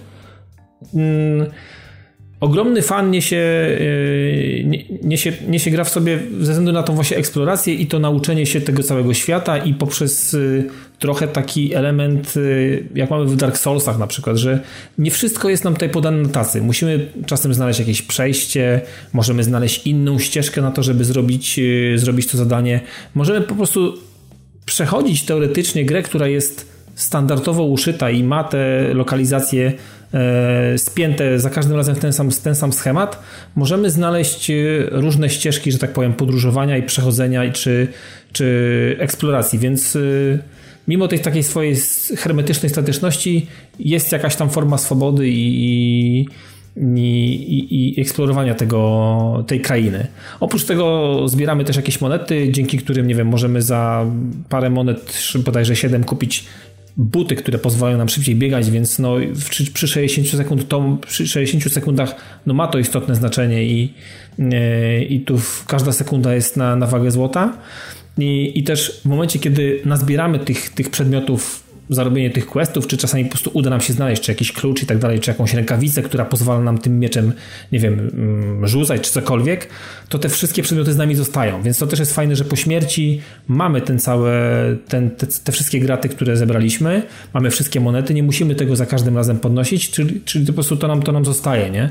Więc no, no śmierć, śmierć jest jakby taką karą za, nie wiem, nie wyrobienie się w w tym, w, tej, tej, w tym czasie, w czasie, w czasie tych 60 sekund. Natomiast y, to jest jedyna kara, szczerze powiedziawszy. Wracamy do jakiegoś tam miejsca i próbujemy robić takie tak zwane speedruny, że po prostu lecimy, bo wiemy już gdzie mamy lecieć i wiemy gdzie czeka nas albo misja, którą dostaniemy, albo, albo nagroda, którą za wykonanie jakiejś misji uda nam się gdzieś tam po prostu otrzymać. Więc y, oprócz tego kilka łamigłówek, jakichś takich, wiecie, prostych, logicznych, gdzieś tam dopływamy na przykład chociażby na jakąś wysepkę i musimy ustawić sekwencję przełączników, które nam uruchomią jakiś mechanizm i dopiero dalej jakby mm, gra się, gra się toczy. Natomiast to jest wszystko całe za każdym razem w ramach tych 60 sekund. Jeżeli się nie wyrobimy, wracamy i po prostu powtarzamy to um, znaczy na zasadzie takiego masterowania po prostu. Robimy to tak dobrze i tak szybko, jak tylko potrafimy, żeby wyrobić się i pchnąć to dalej do przodu. Więc y, no powiem wam, że zagrywałem się w to i nawet przez jakiś czas Far Cry 5 leżał trochę na boku, bo, bo mega fan miałem z tego, żeby, mm, y, żeby właśnie spędzić spędzić każdą możliwą wolną chwilę właśnie w minut przez jakiś, przez kilka dni to trwało, więc no ja ogólnie polecam i, i, jestem, jestem oczarowany jakby koncepcją i mechaniką i to jak to się dobrze, jak to jest dobrze skrojone przede wszystkim. I, i wygląda, to wygląda gra jakby zrobiona była wiecie w ciągu 24 godzin na jakimś game jamie i, i, i i aż, to, aż, aż, aż, aż niewiarygodne jest, że, że można uszyć naprawdę coś w bardzo, w bardzo prosty taki mm, sposób, na, a ma taką, taką, tak, taką, taką jakąś magię przyciągania do siebie, więc no, no Minit właśnie takie jest. E, takie jest. A po, po, ilu, po, po, jakim czasie już się ma dosyć trochę? E, właśnie nie ma się dosyć. Po prostu ta gra jest tak skrojona, że po prostu ją przejdziesz i zapominasz o niej, szczerze powiedziawszy. Możesz porobić jeszcze jakieś achievementy, które też jest, też jest od groma, natomiast y, z racji tego, że ta gra jest bardzo krótka, to też y, nie porzucisz jej od razu, bo jak już będziesz chciał porzucić, to już skończysz, rozumiesz? O to chodzi, że w momencie, kiedy dojdzie do tego momentu jakiegoś, nie wiem, frustracji albo takiego znudzenia, to, to to okaże się, że ty ją za chwilę właśnie kończysz, nie? Więc jakby... Ale oprawa jest naprawdę dla takich zatwardziałych, bo nie dość, że pixel art to jeszcze czarno-biały, no tak. jest naprawdę tak... To wygląda jak gra z Game Boya i czcionka i co w ogóle też mnie zaskoczyło na plus, gra jest całkowicie też w polskim języku, więc te wszystkie dialogi i tak dalej można spokojnie czytamy w, po, po, w naszym rodzimym języku, więc e, to też taki, takie, takie miłe, że mm, twórcy takiej gry e, w takiej oprawie pokusili się o to, żeby, żeby wydać to E, e, żeby ta gra też była w polskim języku. Zresztą ona w ogóle ma jakiś taki bogaty, bogaty zbiór tych, e, tych języków. Jak patrzyłem opcje, to po prostu jest tego naprawdę milion, więc naprawdę chyba na całym świecie można w to pograć i, i, i każdy znajdzie ten swój, swój język, w którym w jakiś sposób jest w stanie się czegoś doczytać albo, albo komunikować, więc no, to też jest takie e, ciekawe. Więc tutaj też włożyli w to masę, masę pracy i jakby jakiegoś tam czasu, żeby to też, e, też przygotować, więc tutaj spoko. No oczywiście oprawa audio standardowa 8 bitów, nie jakby się słuchało jakiejś muzyki z NES-a czy, czy, czy z jakichś komputerów 8-bitowych, albo nawet jeszcze niżej, więc e, z takich naprawdę prymitywnych maszyn. No gra, gra przypomina, mi przypomina po prostu taką, taką typową gębojową napierdalankę po prostu i latanie po jakichś planszach i, i robienie różnych, y, różnych y, prostych albo mniej, mniej skomplikowanych rzeczy i, i taka po prostu bez jakiejś takiej głębszej refleksji, bez jakiejś specjalnie głębokiej też fabuły, ale, ale właśnie ta liczba tych sekretów i tego, że samo, sam speedrun to nie koniec, można naprawdę jeszcze w wielu miejscach, w wielu, wielu częściach tego świata podkrywać jakieś ciekawe rzeczy, więc no naprawdę ja polecam, ja polecam, naprawdę ja się bawiłem wyśmienicie. No to dzięki za, za opis. No, może ktoś z naszych słuchaczy stwierdzi, że jakby gra faktycznie pasuje, bo przyznam, że to jest zupełnie nie mój krąg zainteresowania. No, domyślam, się, bardziej domyślam mnie, się. Może bardziej mnie zainteresuje gra, która ma ciekawe słowo obscura w tytule, a całość brzmi Metropolis Lux Obscura. I tutaj wiąże się z tym pewna historia, dlatego że Dawid po prostu pojechałeś po całości po Microsoftie po tym, jak twoje konto zostało zbanowane za to, Nie tylko moje. że wrzuciłeś screen z gry, gdzie no, myślę, że nagość to może za duże słowo, że występują jakieś takie... No elementy jakiejś erotyki takiej sofciarskie, ale, można bym powiedział nawet. To tak naprawdę... Ale, nawet... no, ale żeby też nadać temu kontekst takiej bardzo rysunkowej, no, bardzo komiksowej takiej, takiej to, takie w klimacie takim Sin City nawet bym powiedział. No właśnie. Bo cała gra jest trochę w takiej stylistyce. Tak, tak. Utrzymana. No i Metropolis. bardzo komiksowa. Tak, Metropolis Look Obscura i, i. To może najpierw o tym banie chcesz powiedzieć, czy najpierw o samej grze? Znaczy mogę powiedzieć, mogę najpierw powiem o grze, a potem historia samego bana i z czego to w ogóle wyniknęło i jak to w, i, i, i, i... I czy nie masz swojego konta na Xbox One i już kupiłeś PS4 i... Nie, nie, nie, nie, właśnie całe szczęście wszystko się od, udało odkręcić i, i tak no, dalej. Już miałeś ale... nie mówić teraz.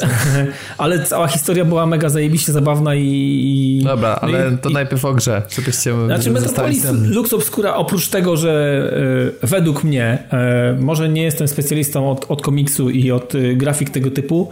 Strasznie mi się podobało to, jak, jaki, jaki jest klimat, jaka jest y, oprawa muzyczna i, i, i sam, sam, same te rysunki. I tak naprawdę miałem wrażenie, że e, czytam sobie po prostu jakiś komiks, a, a to czytanie przerywane są e, fragmenty znane, nie wiem, z, chociażby z różnych y, klockowych, tetrisowych y, gier dostępnych na najczęściej pewnie na platformy mobilne czy jakieś tablety i tak dalej, więc tu mamy także mm, pojawia nam się plansza, chociażby jak, jak w Bejeweled było, że w rządku musimy ustawić trzy, żeby dane trzy klocki zniknęły, spadają od góry następne i próbujemy w jakiś sposób e, dostęp, z dostępnych klocków tworzyć takie sekwencje, żeby pokonać, e, bo te sekwencje dotyczą tylko i wyłącznie pojedynków, mm, pokonać oponenta po drugiej stronie albo grupę oponentów, którzy w jakiś sposób tam na nas nacierają.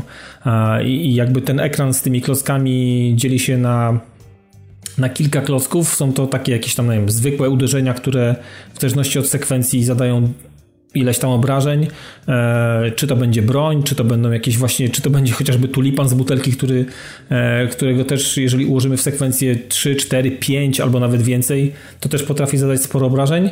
Mm, oczywiście są też klocki, których musimy unikać, e, czyli na przykład blachy policjantów, które jeżeli uda nam się omyłkowo ułożyć taką sekwencję, to wtedy obrażenia dostajemy my, a nie oponent. E, no i to się tak dzieje tura na turę. Czasami oponent ma trzy tury, zanim zada nam obrażenia, więc przez trzy tury my mu zadajemy obrażenia, mm, ale z reguły on ma więcej życia i, i, i jak już nas pieprznie, to wtedy to wtedy ostro to odczuwamy. E, no i generalnie to jest jedyna tak naprawdę mechanika, która dzieje się poza całą fabułą, poza tą historią, poza tymi animacjami, poza tymi ekranami i tymi dialogami, które trzeba powiedzieć i podkreślić, że są wszystkie są mówione i wszystkie są naprawdę zajebiście zrobione i fajnie, i fajnie to pasuje. Eee, także to, to, jest, to jest fajna koncepcja. Oczywiście, no tak jak mówiliśmy, na, tak jak powiedziałeś na początku, Robert, że e, gra nie stroni od y, jakiejś golizny i, i sam klimat, że jest, jesteśmy typem, który wychodzi z więzienia i wraca do tego miasta, w, którym został zatrzymany i, i, z jakiegoś powodu trafił do, do tego pierdla i, i, jakby nie zgadza się do końca z tym i chce pewne rzeczy wyjaśnić e, i wraca do tego miasta, żeby mm, poznać, poznać tych, dzięki którym albo przez których trafił do, do pierdla i, e, i rozwiązać pewne, pewne jakieś tam zagadki z przeszłości. No oprócz tego wiadomo, szwenda się po jakichś y, klubach nocnych, y, spotyka jakieś panienki takie, a nie inne i generalnie wchodzi czasami z nimi w jakieś y, interakcje łóżkowe, więc no cyc i gołe dupy to po prostu strzelają po oczach regularnie co no, generalnie no, no, tak jest ta gra stworzona, taki ma, taki ma świat, taką ma kreację e, i, to, i to bardzo, bardzo mocno pasuje. E, i co też mnie, co też mnie zaskoczyło w, w tym tytule, że gra ma cztery różne zakończenia i i przez długi okres, y, znaczy przez długi okres, przez, przez, znaczy grę Salaka zrobiłem w bodajże 5 godzin. E, więc polowałem na trzecie zakończenie, które, którego nie byłem w stanie przez jakiś czas y, odnaleźć. E, i, y, I w końcu mi się po jakimś czasie udało, bo to jest tak, że po jakiejś tam sekwencji zdarzeń, po, jakimś tam, po jakiejś tam akcji e, trafiamy znowu na widok tego miasta i mamy dostępne pewne lokalizacje, do których możemy się udać. I w zależności od tego, którą, którą wybierzemy, to ta poprzednia nam zostaje, nie ma już możliwości do niej trafić, więc jeżeli wybierzemy jakąś ścieżkę, e, to wtedy no już podążamy nią do końca i nie jesteśmy w stanie jakby zmienić jakby biegu tych pewnych wydarzeń. One są ze sobą bardzo mocno połączone i to, co uda nam się, mm, że tak powiem, wykreować, klikając dane, dane lokalizacje, no to już do końca nie mamy na to wpływu. Początek gry dla wszystkich czterech e, zakończeń wygląda tak samo do pewnego momentu, natomiast potem fabuła zaczyna się rozjeżdżać w cztery różne strony świata i w zależności od tego, jaki kierunek wybierzemy, e, to, to, to tak już potem to się, to się toczy i to też jest fajne i ciekawe, bo wszystkie te cztery zakończenia są po prostu totalnie odjechane i towarzyszą temu zupełnie inne obrazki, zupełnie, inna, zupełnie inne pojedynki. No naprawdę super. Ja po prostu byłem oczarowany. Eee, no ale wracając do tej golizny, bo jakby szczerze powiedziawszy, chyba o samej grze powiedziałem wszystko. E, no, okazuje się, że świadom, nieświadom złamałem regulamin w taki, a nie inny sposób, e, strzelając e, komiksowymi grafikami z cyckami na wierzchu i, czy, czy jakimiś innymi takimi rzeczami. No i na początku Microsoft stwierdził, że zrobiłem bardzo, bardzo źle. I, i pokazał mi środkowy palec i nie możesz tak robić i moje konto zostało zawieszone na, na bodajże dwa dni. No jak się okazuje, że mm, nie tylko ja byłem taki bystry i taki kumaty i tych banów się posypało naprawdę od, od groma i, i, i, dostawali ludzie, znaczy ja zrobiłem tylko kilka zdjęć, stwierdziłem, że e, kilka screenów, stwierdziłem, że nie będę wrzucał całych animacji, bo tam są też sekwencje e, całego, wiecie, całego stosunku płciowego, więc generalnie oczywiście nic nie widać, bo to jest tak zrobione fajnie, że to jest to, co ma być... Chwilę, przepraszam, wyłączyłem się, o jakiej grze mówimy, bo jestem zainteresowany? Metropolis Lux Obscura. A, okej, okay, dobra, czekaj. już, już kupujesz, tak. Ja, czy ja akurat... Ale do, ja tak jeszcze nie zna, to nie pasuje. Nie? Chociaż już posłuchał, to już prawie zna. No to właśnie pytanie, zna czy nie zna? No i generalnie wiecie co... I to Ale było... nie zobaczy screenów na twoim profilu, bo rozumiem, że nie, zostały nie. usunięte. Zostały usunięte raz, że przez Microsoft, a bo, bo, bo wiecie, bo, przestraszyłem się w pewnym momencie, faktycznie, bo zobaczyłem, że e, kolejny komunikat był taki, że moje konto zostanie po prostu spuszczone w kiblu permanentnie, nie jestem w stanie go już odzyskać, więc wszystkie zakupy, e, cały, cały wkład mój i, i energia, którą wpakowałem w program Insider, gdzie, gdzie naprawdę dostał Microsoft od mnie ostry, ostry feedback, stwierdziłem sobie, kurwa, po prostu tak nie może być, ten świat jest niesprawiedliwy. Ja mam świadomość tego, że zrobiłem źle, ok, natomiast był to pierwszy i mam nadzieję jedyny mój wybryk tego, tego typu i nad kolejnymi będę się zastanawiał, czy faktycznie warto. Mm, ale Sprzedał się, dał sobie zamknąć usta, już widzę te nagłówki w trasie Tak, tak, tak. I stwierdziłem, że kurwa, tak nie może być, że to jest niesprawiedliwe, że padłem ofiarą jakiegoś po prostu jakiegoś po prostu błędu, jakiegoś źle, źle działającego algorytmu. Spisek. I oczywiście co zrobiłem? Jeżeli pierwszy ban został mi zdjęty i miałem święty spokój, nagle okazało się, że y, temat mój wrócił znowu na wokandę i moje konto znowu zostało zablokowane i teraz już z komunikatem takim, że po prostu mogę sobie absolutnie zapomnieć o tym koncie. I wtedy zrobiło mi się już naprawdę, robiło mi się naprawdę przykro i źle i stwierdziłem, że tak nie może być i pozwoliłem sobie na, e, na uderzenie do supportu. Okazuje się, że mm, cały ten, e, cały ten dym z tymi, nawet, nawet wiecie, nawet e, The Sun pisał o tym, e, o tej grze, co zresztą też jest zajebistą reklamą dla tej gry i myślę, że to też się w jakiś sposób przyczyniło do, do pewnej sprzedaży, bo i, i myślę, że całkiem niemałej, bo naprawdę trafiło, trafił, ten, trafił ten problem i cały ten proceder banowania użytkowników za wrzucanie treści z tej gry mm, naprawdę szerokim echem się odbił. Okazuje się, że robią to oczywiście automaty, bo jakby dlaczego kurwa mać nie. E, natomiast e, Zastanawiające jest też to, że w niektórych grach i, to jest naprawdę spora, spora ilość gier, można spokojnie ten cały system DVR zablokować i, i, są, są gry, które nie pozwolą, nie pozwolą albo robić albo screenów, albo nie pozwolą rejestrować mm, czegokolwiek w tej grze. I nawet zauważyłem, że w wielu kopiach recenzenckich, jeżeli nie minęła data premiery, to też y, system ten potrafi kontrolować y, embargo w jakiś sposób i nie pozwala, nie pozwala być uruchomiony w momencie, kiedy, kiedy gra faktycznie miała premierę albo twórca czy wydawca nie wydał odpowiedniego polecenia, że materiały będą mogły być udostępniane przez użytkowników na swoich wallach tylko i wyłącznie od takiej i takiej daty. A tutaj gra, która ma konkretne oznaczenie PEGI, przechodziła system certyfikacji, jest wpuszczona po prostu z wszystkimi tymi dobrodziejstwami, no i wiadomo, no jak to ludzie, kurwa, widzą fajne dupy, komiksowe grafiki, no to co robią? Wciskają e, home button i po prostu nagrywają albo materiał, albo po prostu jakąś, jakąś sekwencję screenów i po prostu puszczają te bez zastanowienia, bo, bo dlaczego nie? Przecież możemy wpuszczać sekwencję o zabijaniu ludzi, o paleniu krów żywcem w Far Cry 3, czy kopulujących zresztą, bo czemu nie? I jakby do tego się nikt nie dobiera. Natomiast okazuje się, że grafika z komiksu z cyckami na wierzchu jakiejś dziwnej pani przy rurze w klubie GoGo mm, jest w stanie wygenerować e, takie, a nie inne poczynania ze strony Microsoftu. Jestem ciekawy, czy Microsoft będzie w stanie cokolwiek z tym kiedyś zrobić. No, obawiam się, że będą musieli chyba się bardziej przyglądać e, grom tego typu, które może są w jakiś sposób zgłaszane do certyfikacji i są konkretnie otagowane, że mają taką, a nie inną zawartość i trzeba się ewentualnie pochylić i zastanowić nad tym systemem e, zrzucania tych, e, tych grafik. Tak czy siak moje konto jest już dostępne i mam do niego dostęp i mogę grać i raczej nic support e, potwierdził i zapewnił mnie, że nie wiem, przyjęli do wiadomości to, że, że ja też mam świadomość, że popełniłem pewien błąd, że złamałem, złamałem regulamin i oni wiedzą, że, że, że wyciągam z tego, e, z tego wnioski i jakby moje konto jest w moich rękach i mam do niego dostęp. Natomiast powiem wam, że tyle, co się najadłem strachu i tyle, co, co mi napędziło, to niezdrowej adrenaliny, to kuwa już mi tego nikt nie zabierze, bo naprawdę był moment, że już miałem ciepło w dupie i i bałem no, się. widać było na grupie, że ten. Mój drogi, pod, wiesz, podgrzało się. No, podgrzałem, naprawdę tak byłem podgrzany. Naprawdę ktoś mi z palnikiem e, ostro, ostro siadł na głowę i, i nie było mi już do śmiechu, ze, szczególnie za drugim razem.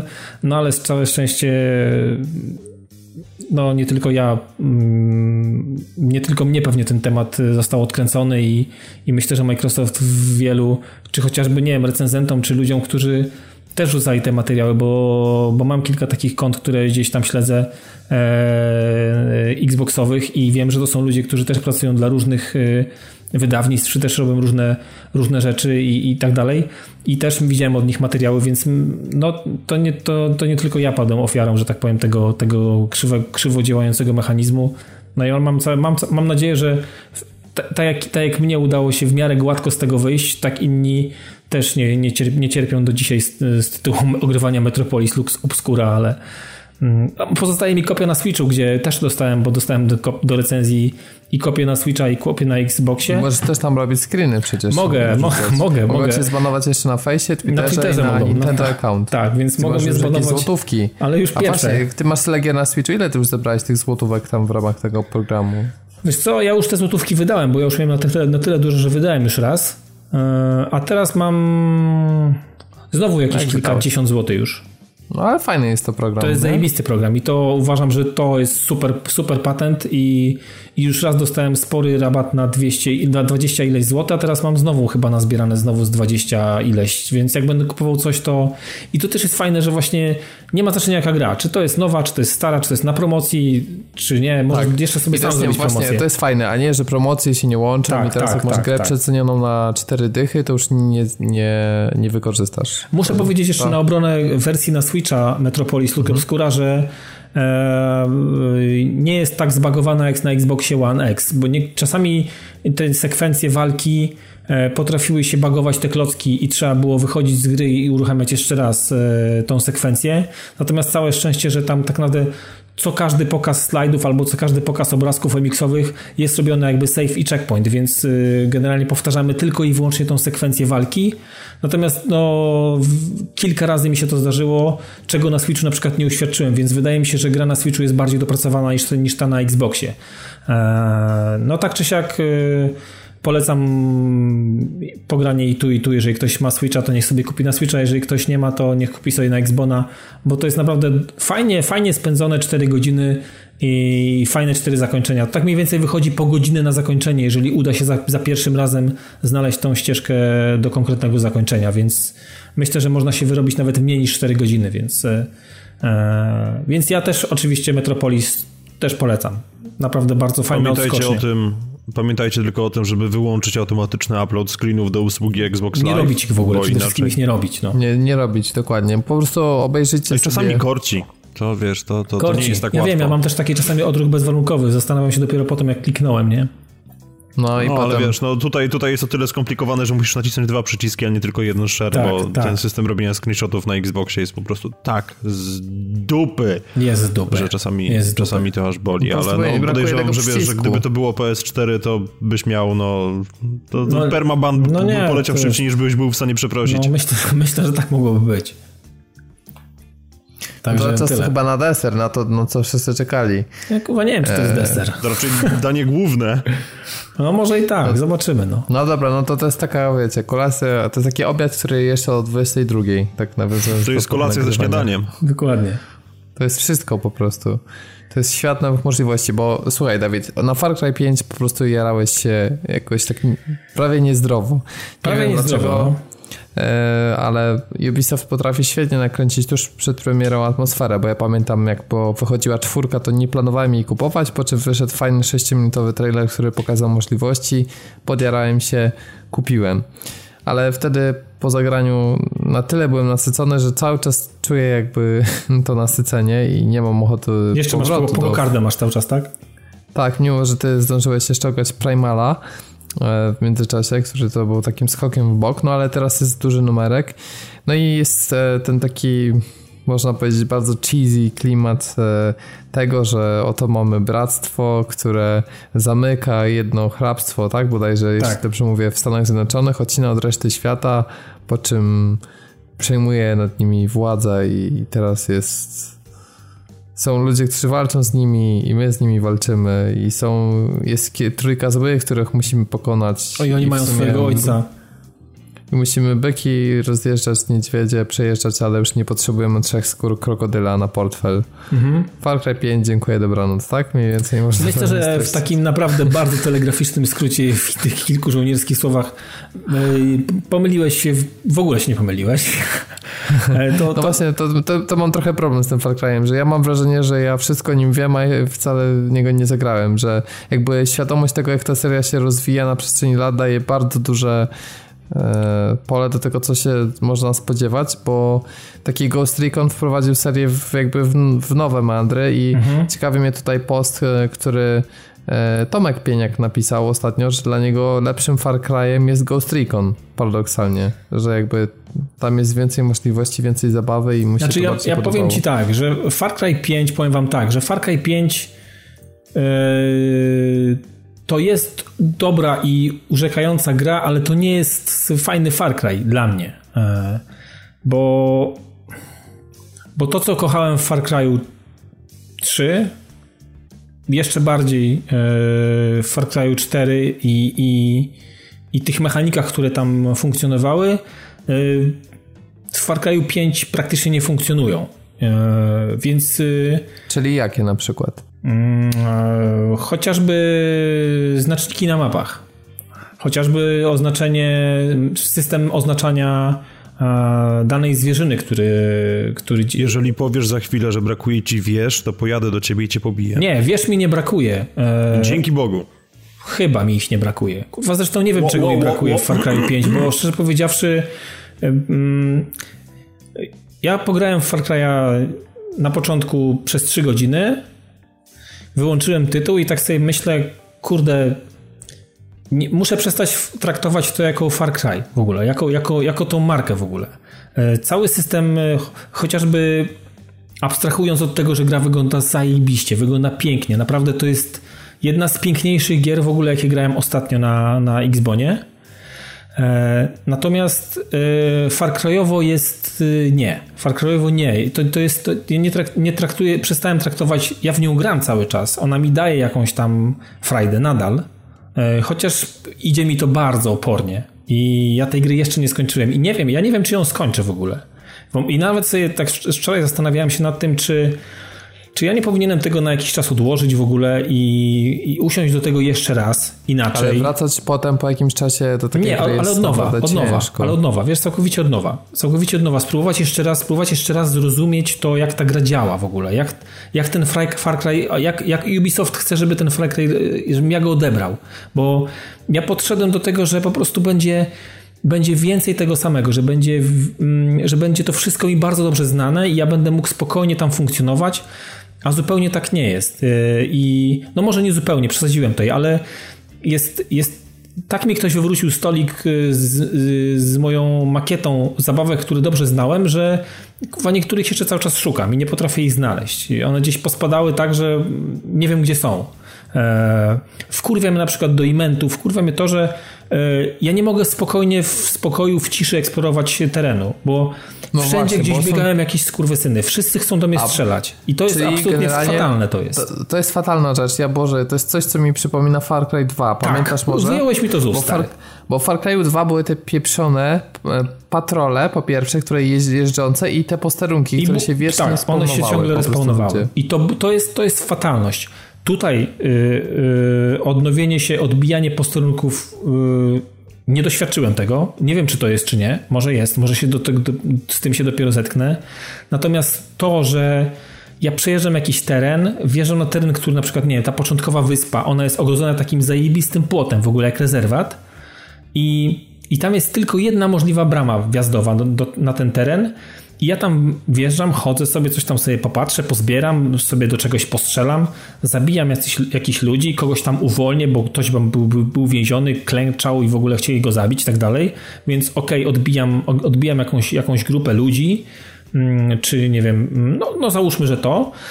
E, I potem wracam tym samym terenem i nagle kuwa, znowu, znowu ktoś jest. Kuwa, nie wiem skąd on się wziął. Po prostu, mimo że nie mógł się dostać z tamtej strony, to, to kuwa, gdzieś, nie wiem, spał w krzakach, jak go przeoczyłem. Nie mam pojęcia, ale on się gdzieś obudził z jakiegoś głębokiego snu i pojawia się i nagle oni mnie wszyscy widzą, oni... Mm, ja w ogóle jestem cały czas jakbym, wiecie co, był na jakimś świeczniku. Ciągle, ciągle wszyscy mnie widzą i ja ciągle widzę ten, ten pieprzony marker tego, że ktoś mnie za chwilę dostrzeże i otworzy do mnie ogień. Jest to absolutnie ma wyniszczające mnie. Po prostu to jest coś, co powoduje, że po, jakimś, po jakichś kilkudziesięciu minutach ja po prostu już nie chcę w to grać. Po prostu jestem poirytowany faktem, że nie mogę w spokoju przeglądać mapy, zastanawiać się, gdzie ja bym sobie teraz poszedł, e, do czego ja bym sobie postrzelał, albo... To jest takim sensem tej serii, bo tak, ja też tak. grałem w czwórkę, że jednak ten stealth był fajniejszy niż takie granie na Jana. Zdecydowanie, Ale, a tutaj wiesz co... A nie ten... myślisz, że właśnie jakby ten sposób jakby zaprojektowania świata, że wymusza, że ciągle coś się dzieje, jednak premie tych graczy, którzy grają w tę grę w stylu Just Cause, że coś się z tego trochę w tym kierunku coś wiesz co, zrobiło? Wiesz co, może trochę tak. Natomiast tak jak nie, nie lubię Just Cause, tak tutaj to mi absolutnie nie pasuje. Ja nawet wsiadając na jakąś pieprzoną łódkę, płynę sobie jakimś jeziorem, podziwiam widoki, kuwa Montana, piękne słońce w ogóle, kuwa, rewelacyjna flora, fauna, wszystko jest miodzio, lodzio i nagle ni stąd, ni zowąd, jak z jakiejś kurwa łodzi podwodnej wyskakują jakieś sukinsyn na pontonach i po prostu pizgają do mnie. Nie jestem w stanie w ogóle nawet w jakiś sposób zareagować i, i ginę po prostu permanentnie w tej grze. Ja, ja tyle razy widziałem w tej grze swoją śmierć i, i, i, musiałem zaczynać od, niemalże od nowa i, i, wracać szmatcze drogi do, do jakiegoś miejsca, do którego chciałem się dostać. E, chyba, chyba mniej widziałem swoją śmierć w GTA 5, które ogrywałem i doszedłem do z, fabuły z Trevorem, więc no no nie, nie licuje mi się to w żaden sposób. To absolutnie mi w żaden sposób nie, nie, nie spasowuje się i, i, i, i nie wiem, to... A z tego co słyszałem, to nie wiem, czy ty też tak masz, ale ja generalnie w tego typu grach jakby cieszę się, że wraz z postępem mam mniej takich przeszkadzajek, bo czyszczę kolejne elementy mapy w nadziei na to, że tam wrogów nie będzie, ale z tego co słyszałem i potwierdź nie, nie, to tak jeżeli jestem w błędzie, to jeżeli mm, jakby bardziej wkurzasz jednego z tych trójki tak. złych, tak, e, to jakby poziom ich wkurwu powoduje, że tych wrogów jest wręcz więcej i są jeszcze bardziej agresywni. Dokładnie tak. Na, na, jak gwiazdki w GTA po prostu. I ja dokładnie tak, tak to też odczuwam. I ja zacząłem sobie e, na początku, wydawało mi się, że to jest może jakiś przypadek, że tak jest i miałem takie odczucie, że może w takim razie pójdę, zacznę, zacznę sobie robić coś, coś innego. I poszedłem trochę w inny teren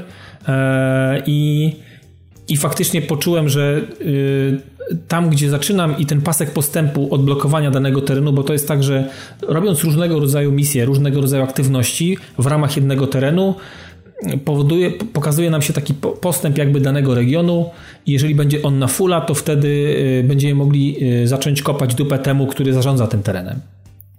I ja sobie stwierdziłem, że dobra, to w takim razie zobaczę sobie, jak wygląda mapa gdzieś indziej.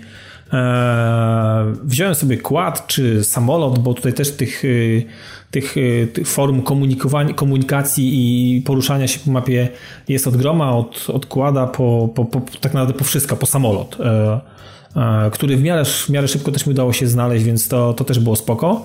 Mm, natomiast udałem się w inny teren i faktycznie miałem takie wrażenie, że ten, e, to odbijanie tych, e, tych posterunków i tych, i tych takich półbosów, którzy też się tam gdzieś pojawiają, w zależności od tego, jak, jak, jak aktywnie albo jak, jak bardzo jak poczynamy sobie w danym terenie, było zdecydowanie mniej. Oni się pojawili za jakiś czas, ale to jakby ten poziom Mm, oporu danego terenu wzrasta w zależności od tego, jak bardzo aktywny jesteś tam. Takie miałem wrażenie i, i, i myślę, że tak jest w każdym z tych terenów. E, z racji tego, że nie odblokowałem jeszcze żadnego z tych terenów na full, to nie wiem tak naprawdę z czym to się, z czym to się je dalej, bo ten pasek postępu jest podzielony na ileś tam sekwencji, więc e, zakładam, że konkretne misje fabularne albo albo pewne rzeczy, które będą się działy po przekroczeniu jakiegoś kamienia milowego danego regionu, spowodują też pewnie jakieś, jakieś konkretne czy sekwencje, czy jakieś konkretne wydarzenia i yy, ale też pewnie nie będę, nie będę musiał, bo nie widziałem też takiej aktywności, że w momencie, kiedy pokonałem pierwszy kamień milowy, to też nie było tak, że wiecie, pojawił mi się jakiś mini boss, nie? Czy jakiś tam, albo jakiś, jak, jakiś jak, sługu z tego głównego, którego będę musiał unicestwić, żeby się dostać tam dalej. Nie, możecie spokojnie jeździć po danym terenie i pasek postępu może, może się przesuwać tylko w momencie, kiedy nie wiem, będziecie ratować ludzi. Możecie robić tylko i wyłącznie tą aktywność, jeżeli ona wam pasuje, odbijanie pojmanych jeńców i ten pasek postępu też będzie się przesuwał i możecie tak zapełnić cały region. Więc to też jest, to też jest do, możecie tak grać, jeżeli tak chcecie, to możecie tak grać. Natomiast e, ten opór, opór w danym regionie, im pasek dalej jest, e, jest odczuwalnie mm, odczuwalny. Jest odczuwalny na skórze. E, kolejna rzecz, którą szczerze powiedziawszy też, też nie za bardzo rozumiem skąd, e, znaczy, roz, znaczy rozumiem, a natomiast nie, nie za bardzo wiem dlaczego taki kierunek. Jeżeli ktoś grał w, w ostatniego Assassina Origins, to w momencie, kiedy wejdzie do menusów, zobaczy kalkę y, tego, jak wyglądają menusy w, w Assassinie. Dokładnie to samo. Te zakładki, cały ten dokładnie taki jakby moduł, wiecie, tego e, mapy, umiejętności, ekwipunku i tak dalej, i tak dalej, różnych tych wszystkich pierdół, to jest dokładnie ten sam, ten sam mechanizm. No okej, okay, no można się do tego przyzwyczaić, e, natomiast e, ciężko mi się przyzwyczaić do, do, do zakładki z mapą. Zoomowanie mapy i, i poruszanie się po mapie, kurwa, mapa jest w 3D. Mam wrażenie, że ktoś tutaj za dużo Google'a chyba używa. E, I przy... Nie, to nie jest Google, to chodzi o to, że ktoś za mocno się zafascynował Horizonem. Nie wiem, stary, ale to, to, to, to, jest, to, jest, to jest do dupy. I w momencie, kiedy ja chcę sobie coś poprzeglądać, to mi mapa się zamiast być pionowo, robi mi się taka jakaś pieprzona izometria yy, i tracę perspektywę, nie widzę 3 czwarte tego terenu, który chciałbym zobaczyć. Jeżeli chcę mu się przyjrzeć z bliska, to robi mi się 3D i już widzę tyle, co kuwa nic, czyli jakieś krzaki, jakieś domki, więc to jest... Mapa jest totalnie spieprzona. E, oprócz tego, co też jest właśnie, to jest najgorsze, kwintesencja czyszczenia sektorów, części mapy i tak dalej. Kurwa, nie widać żadnych znaczników na mapie ze skrytkami. W trójce były kryształki, człowiek wiedział, że tu jest to, tu jest tamto, może tam jeszcze coś poszukać, jakieś skrzynie i tak dalej. Tutaj tego nie ma. Nawet jeżeli mamy odbity jakiś outpost, widzimy jakąś e, mapę tego, tego terenu, to tak naprawdę nie wiemy, czy mamy tutaj coś jeszcze poszukać. Możemy połazić, po, po, poszperać po tych wszystkich e, e, zakamarkach, ale e, widać tylko po błysk, błyszczące się takie, wiecie, typowo jak w Bioshocku e, czy w wcześniejszych, wcześniejszych częściach też Far Cry'a, że dana skrzynka co jakiś czas błyszczy, więc możemy ją podejść do niej i ją otworzyć. Natomiast na mapie takiej informacji nie mamy, więc nie wiemy, czy coś przeoczyliśmy, czy nie, czy tam było coś warte zebrania, czy, e, czy nie, więc no powiem wam, że generalnie nie potrafię się w, e, odnaleźć. Chcę grać w Far Cry'a, ale to nie jest Far Cry dla mnie, więc e, e, to jest zupełnie coś innego. No jednak trochę przemawia przez ciebie trochę zawód, bo tak znaczy, wiesz, tak, tak jestem nie trochę jest to zła gra, ale zły Far Cry. Tak, Słyszałem już tak. parę takich opinii. To nie jest zła gra. Ona jest naprawdę dobrze działającą grą, fajną działającą grą, ładnie wyglądającą, z nawet całkiem, całkiem fajną mechaniką strzelania i, i czuć różnicę w tych broniach i, e, i, i to jest fajne i, gra wygląda naprawdę pięknie przez optykę e, jakiejś broni i tak dalej, więc e, odbijanie outpostów też jest takie jak lubimy w Far Cry'u, czyli podjeżdżamy do danego outpostu, skanujemy, wyciągamy aparat, patrzymy gdzie kto jest, gdzie mamy cywili, gdzie mamy ewentualnie jakąś dziką zwierzynę, którą moglibyśmy wypuścić, żeby ona ich wpierdoliła za nas i no takie różne rzeczy są, są, są nam znane. A w momencie, kiedy coś zrobimy źle, no to wtedy wiadomo jest alarm i musimy już na Janusza e, próbować unicestwić e, tak szybko, jak się tylko da, zanim przyjadą posiłki e, i, i próbować wtedy, wtedy robić jakąś rozpierduchę i, i, i spalić, że tak powiem, do żywej ziemi mm, ten outpost. Natomiast tych takich fajnych rzeczy, które lubiłem i kochałem w Far Cry'u i kocham w trójce i w czwórce, a przede wszystkim w trójce. Trójka jest dla mnie najlepszą częścią w ogóle. E, jest tutaj bardzo niewiele. I, i, i nie wiem dlaczego tak jest.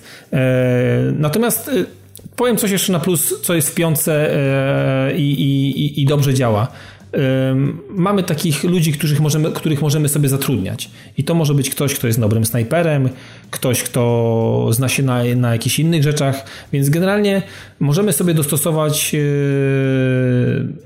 pod siebie albo pod, dany, pod daną, daną chwilę. Możemy tego człowieka sobie przywołać e, i kazać mu na przykład, nie wiem, ze snajperki ściągać jakichś tam ludzi gdzieś na wieży albo na jakichś większych partiach, a my robimy sobie powolutku, nie wiem, powolutku z łukiem czy z pistoletem, z tłumikiem e, tych na dole, a jemu każemy w zależności od tego, czy zobaczymy bardzo szybki dostęp, słuchaj, ściągnij teraz tego, nie? I on ściąga, oni na razie nie wiedzą o co chodzi, e, robimy pozostałych dwóch gdzieś tam z, na ziemi, mm, możemy wydać nawet miejsce, w którym on ma stać i z którego miejsca e, ma nam pomóc czyścić, czyli możemy, nie wiem, północ-południe sobie wchodzić. On wchodzi od północy, my wchodzimy od południa, jeżeli taki outpost e, na to pozwala i czyścimy po prostu z dwóch stron, więc e, można się fajnie obawić yy, yy, po cichu, yy, przejmując takie odposty i to jest akurat super. Natomiast później nie wiem, kurczę, odbijasz takiego odposta, odkrywasz teren, dowiadujesz się, że nie wiem, mm, tutaj grasuje, nie wiem, taki, taki zwierz, e, taka zwierzyna. No i szczerze powiedziawszy, kończy się twoja chęć bycia w tym miejscu, bo nie widzisz żadnych znaczników, nie, nie wiem, kupujesz, nie możesz kupić, ty, nie widziałem takiej możliwości, nie możesz kupić mapy, która ci za ileś tam pesos odkryje ci teren konkretny i zobaczysz sobie, że tu masz takie skrzynki, tu masz to, tu masz tamto, tu masz siamto. I wiecie co, no nie wiem, wydaje mi się, że w te, po prostu jest bardzo mała, bardzo mało tego takiego dobrego Far Cry'a, którego wydaje mi się, że wiele osób kochało i, i liczyło na to w, w piątce. E, I, I, tutaj tego po prostu zabrakło. To ja dla kogo jest to gra w takim razie? Wiesz co, ja nie wiem dla kogo to jest gra. E, możliwe, że to jest gra dla mnie, tylko że muszę przestać o tym myśleć, że to jest Far Cry. Muszę, muszę, I muszę zastanowić się, czy w ogóle, czy ja chcę grać w taką grę w ogóle. E, wiesz, no ja, ja teraz, teraz grając jeszcze wczoraj przez, przez jakiś czas, zastanawiałem się, czy ja mm, znaczy, przeszła mi przez głowę taka myśl, że ja, ja, teraz chyba poczekam na to, co wyjdzie w Season Passie, bo tam są zapowiedziane bardzo odjechane dodatki e, w tej przepustce sezonowej. I... A przepraszam, ty masz Season Passa, tak, czy tak. dopiero go kupisz? Nie, nie, mam, mam. No to powinieneś chyba też mieć remaster trójki. Ale on dopiero ma wyjść za jakiś czas. Tak, on dopiero wychodzi A, w maju. Myślę, że w nim się będziesz lepiej bawił. Tak, myślę, że na pewno myślę. myślę, że będę się zdecydowanie bawił lepiej i powiem wam, że y, ja mam też Far Cry 3 we wstecznej na płycie, specjalnie też to kupiłem, więc y, E, ale remaster na 100% biorę na klatę i pewnie zrobię w nim salaka, bo zrobiłem to też na PS3, więc y, e, z miłą chęcią odpalę trójkę. Natomiast to jest dobre pytanie, I, Robert. I to ja gram w gry, które znam, tak? Tak. A ja, mi się też zdarza, mi się też zdarza, Piotrek. Może nie w tym stopniu, co, co u ciebie, ale wiesz, ale mi się też Dobra, zdarza. Dobra, skończmy to, przejdź, przejdź dalej. Wiesz, nie, nie pogarszaj mojej sytuacji. Nie wywołuj mnie do tablicy, bo chyba przegrałbyś w tym momencie. Ale, ale, ale wiesz, to zdarza mi się wracać do, do, do fajnych gier. Do Dead Space'a mi się zdarza, zdarza wracać i, i są takie gry. Natomiast Far Cry 5 nie będzie moim ulubionym Far Cry'em. Tak jak dwójka nie, był, nie jest moim ulubionym Far Cry'em, tak Far Cry 5 mm, Pewnie będę go powoli gryzł, będę go żuł jak kurwa mięso niedogotowane, e, ale ale mm, nie. Kurwa, to nie jest... To... Ale to wiesz co, tym, tym porównaniem do dwójki trochę, trochę mnie odstraszyłeś, bo ja się zastanawiałem w sumie nad piątką, ale mam kupioną dwójkę zresztą w edycji kolekcjonerskiej, gdzie mam jeszcze nieodpakowaną koszulkę. Mhm. A, i trzymam to po prostu, nie wiem, jako cholera tak na Wiecie, ja naprawdę, ja naprawdę chciałem pochować, po, pokochać Far Cry'a 5, nawet siedzę w koszulce z Call Me, Call Me Father. Dokładnie siedzę w tej koszulce teraz, jak nagrywamy. No, ale ty w ogóle wyglądasz jak ten główny ojciec, więc to wiesz, to... Tym bardziej, wiecie, ja czułem, czułem po prostu, że tam jest jakieś magiczne, magiczne, magiczne połączenie między mną a, a, tym, a, to, a tym tytułem. I, I, po prostu naprawdę yy, może to nie jest taki jęk zawodu, ale po prostu taki jakiś taki niesmak, bo jestem trochę rozgoryczony trochę. Tak jest, taki, jestem trochę zniesmaczony i mówię, będę to żył, bo, bo mam i, i to naprawdę jest przyjemne w graniu i fajnie się, fajnie się, fajnie się tam łazi. Tak, twoja ulubiona restauracja, gdzie się zmienił kucharz. Niby jesteś w tym samym ulubionym miejscu, ale czujesz, że to nie to, tak, czego się spodziewałeś. Tak, tak. To, to jest coś mniej więcej, to jest coś takiego, że, że ciężko się do gry przypieprzyć jako takiej, ale Far Cry to to nie będzie dla mnie. Nigdy nie będzie Far Cry tak dobry jak trójka chociażby, więc Ale, myślę, że to nie jest przypadek, że trójka się znalazła w tej najbogatszej wersji, w tym deluxe, którego mam, za co dziękuję też Łukaszowi. E, e, też nie, to nie jest przypadek, że znalazła się tam trójka. E, żeby właśnie chyba, chyba zbalansować, zbilansować to, te braki albo te, te rzeczy, których nie ma w piątce, a za, to, a to wyjątkowo dobrze, jak nie najlepiej w ogóle w całej serii, wyszły w trójce. To nie jest przypadek, wydaje mi się. Że, że, że po prostu jak już ktoś ma i nie, nie dał rady i, i, i nie wiem, nie jest w stanie się tam przez to przebić wszystko, to będzie miał zajebistą trójkę i do której wiecie, wróci po prostu w podskokach no i będzie się unosił 3 cm na ziemię kiedy, wtedy, kiedy będzie w nią grał, więc myślę, że to nie jest przypadek. Moim zdaniem, wiesz co, Dawid, oni się trochę zakopali w kozi róg tym settingiem, mimo wszystko. No, chcieli podejść do tematu sekty, okej, okay, jakoś próbowali, ale ja nie kupuję tego klimatu. On jest jakiś. Łatwiej było mi po prostu jakoś przyjąć te wszystkie gamizmy farkrajowe właśnie w, w klimatach e, tybetańskich e, Far Cry 4 mm -hmm. czy mhm. w tro, tropikalnej wyspy Trójki, niż teraz nagle, że jest jakieś hrabstwo, które jest odcięte od świata, gdzie możesz samolotami normalnie latać, gdzie po prostu... Tak, ale nie już... możesz z tego uciec i generalnie... Znaczy, ja, tam... ja, rozumiem, no to jest gra. Znaczy ja tak, no to jest taka umowa, twórcy z tobą, no. Zawsze, albo ale, ale to jest już tak cienkimi, grubymi nićmi szyte, że jak do tej pory w serii jeszcze nie było. Bo do tej pory Far Cry mi zawsze się kojarzył z jednak taką egzotyką i gdzieś mam wrażenie, że ta egzotyka została obdarta. I moim zdaniem na przykład Far Cry byłby ciekawszy, gdyby był w takich klimatach jak e, Ghost Recon Wildlands, czyli wiesz, tam sprawy przemytu narkotyku, poliwia mm, i tak dalej. Mm, Znacznie ciekawszy moim zdaniem to byłby setting i pasowałby do DNA tej serii, a ten mimo wszystko gdzieś mi trochę trochę zgrzyta. Znaczy może być w tym trochę racji. Y, y, może być tak, że faktycznie ta Boliwia i te gangi y, narkotykowe to by mogło tutaj jakoś zadziałać. Natomiast szczerze powiedziawszy, poza, znaczy otwarcie Far Cry'a 5 jest takie trochę jak, nawet trochę jak z Outlasta, wiecie, to jest tak, ta, to, ta gra naprawdę się otwiera, fajnie się ta gra otwiera otwiera się na takim nawet takim pograniczu takiego szaleństwa jakiegoś religijnego, takiego jakiegoś totalnego odpału, takiego naprawdę grubego. I, i pomyślałem, shit, to się naprawdę dobrze otworzyło. To się naprawdę dobrze otworzyło i, mm, i to i, i, i był moment taki, że po prostu wtopiło mnie, nie? Że po prostu zostałem wtopiony w fotel e, na początku. I jak zobaczyłem ten tytuł, zobaczyłem jak to wygląda, jak to dobrze działa, Mówię sobie, ja pierdolę, ja na to czekałem tyle lat, nie? No i po kilku godzinach, po trzech, zostałem bardzo szybko sprowadzony na, na ziemię, nawet nie miałem czasu rzucić białego ręcznika, nie? To po prostu trochę jak knockout był dla mnie.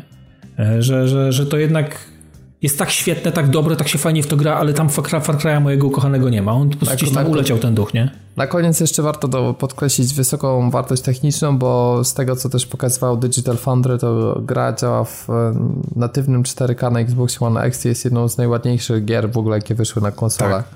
Potwierdzam to jakby brakami Far Cry'a były trochę wykonanie wnętrz i budynków, a tu jakby widać, że ten Ale element nie, mocno poprawił. Ilość szczegółów, panowie, to jest naprawdę czasami się zatrzymywałem po prostu i, a czy to jest tak jak miałem e, w Hunterze. Idziesz, idziesz przez las, zatrzymujesz się i naprawdę podziwiasz. To jest naprawdę tak skrojone, to jest tak zajebiście zrobione. W dodatku tam jest możliwość też łowienia ryb, więc no hello, no... No to już 10 na 10, no, nieważne. Naprawdę. W momencie, kiedy otrzymujesz wędkę i możesz połowić no to, to już robisz tylko to później, nie? Tak. Ja przepraszam, o co w ogóle chodzi? Ja, ja wiem, że teraz po prostu schodzimy na manowce, ale o chuj chodzi za przeproszeniem z tym łowieniem ryb, bo Final Fantasy w tym, tym wiarowym też jest łowienie ryb. Ale no, łowienie ryb jest po prostu relaksującą czynnością, która świetnie nadaje się jako luźny przerywnik w grach wideo. W rzeczy samej. To, że... Y, czasami gra pierwsze skrzypce nie, i nie chcesz wy, robić. Wy mentalnie macie chyba po 72 lata, bo ja na rybach zasypiam. Ale więc no, no widzisz, no. Słuchaj, wiesz, w gry w golfowe też nie, nie możesz grać, więc... W sumie to jest no właśnie.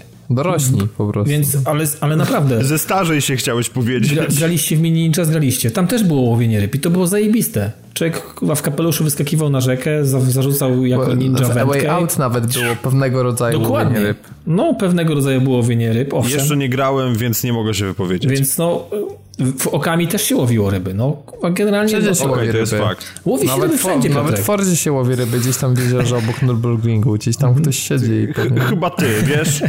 Zarzucasz dętkę i łowisz. No więc nie no, generalnie gra jest przebogata. Przebogata, jeżeli w, w to, co ADR oferuje. też podobno robi robotę, że jeden z e, najlepszych. E, więc no, tutaj nie można nic z tej grze zarzucić. Znaczy, ale... wiesz co, jedno ewentualnie, bo pojawiło mhm. się to w internecie, że kosztem tej wspaniałej grafiki jest trochę interakcja ze środowiskiem, że mamy dużo trochę. takich płotów, których nie można rozwalić, bo jest tylko jeden wjazd i tego płotu za chwilę nie rozwalimy. Generalnie obiekty się nie niszczą, jakieś tam gałęzie, drzewa Tak, ja to, tak ja, ja, to odczułem to bardzo mocno że, na początku. Że to jest i... trochę taka makieta jest... mimo, piękna, ale makieta. Jest, jest 20 chyba minutowy właśnie materiał porównujący Far Cry'a 5 do dwójki i moje pytanie, bo obejrzałem to w całości, żeby zobaczyć o co chodzi, bo dwójka była dla mnie pieprzonym symulatorem malarii, gdzie po prostu umierasz, bo nie jesteś w stanie odkręcić korka z butelki, żeby się napić, mhm. więc no to, to, to, w ogóle 2 na 10. Natomiast nie zmienia to faktu, że ona właśnie interakcję ze środowiskiem robiła bardzo dobrze. I w momencie, kiedy zobaczyłem, to się poczułem trochę tak, jakby coś poszło nie do końca tak, jak powinno. To jest raz. A druga sprawa jest taka, że kompletnie, i mówię to jako osoba, która nie grała, tak, ale która obserwowała różne materiały, nie bardzo rozumiem, co się dzieje w momencie, kiedy zabijesz oponenta, on leży na ziemi i zaczyna lśnić. Mhm. To może to są kolejne martwe oczy, tak, z jasne, mojej perspektywy, wiem, ale wiem, po prostu te, te, te lśniące ciała po prostu to jest tak, jakbym, nie wiem, jakbym odpalił po prostu jakąś grę na light guna, to, to, to mi wieje tego typu klimatem, takim nawet nie wiem, jak to określić, ale to jest, to jest tandeta. No trochę tak. Natomiast wiecie, to jest, e, mimo że nie ma tego Far Cry'a, tego mojego kochanego, będę to powtarzał, to, to też zaskakujące to jest, bo wcześniej często z tego korzystałem w trójce i w czwórce. E, teren jest tak pięknie zrobiony i tak fajnie mieć, móc pójść tam, gdzie się patrzy i tak naprawdę, gdzie nie sięgniemy wzrokiem, możemy się pojawić, że chyba ani razu nie skorzystałem z szybkiej podróży. Wszędzie, wszędzie chcę dotrzeć w taki sposób, w jaki na daną chwilę mam możliwość. Czy to będzie łódka, czy to będzie kład, czy to będzie, nie wiem, śmigłowiec, czy to będzie cokolwiek. Po prostu chęć eksploracji jest naprawdę olbrzymia. To nie jest tak, że, mm, że ten teren, ten teren i, i, i to miejsce, w którym gdzieś tam funkcjonujemy przez jakiś tam czas, nie jest tam obojętne.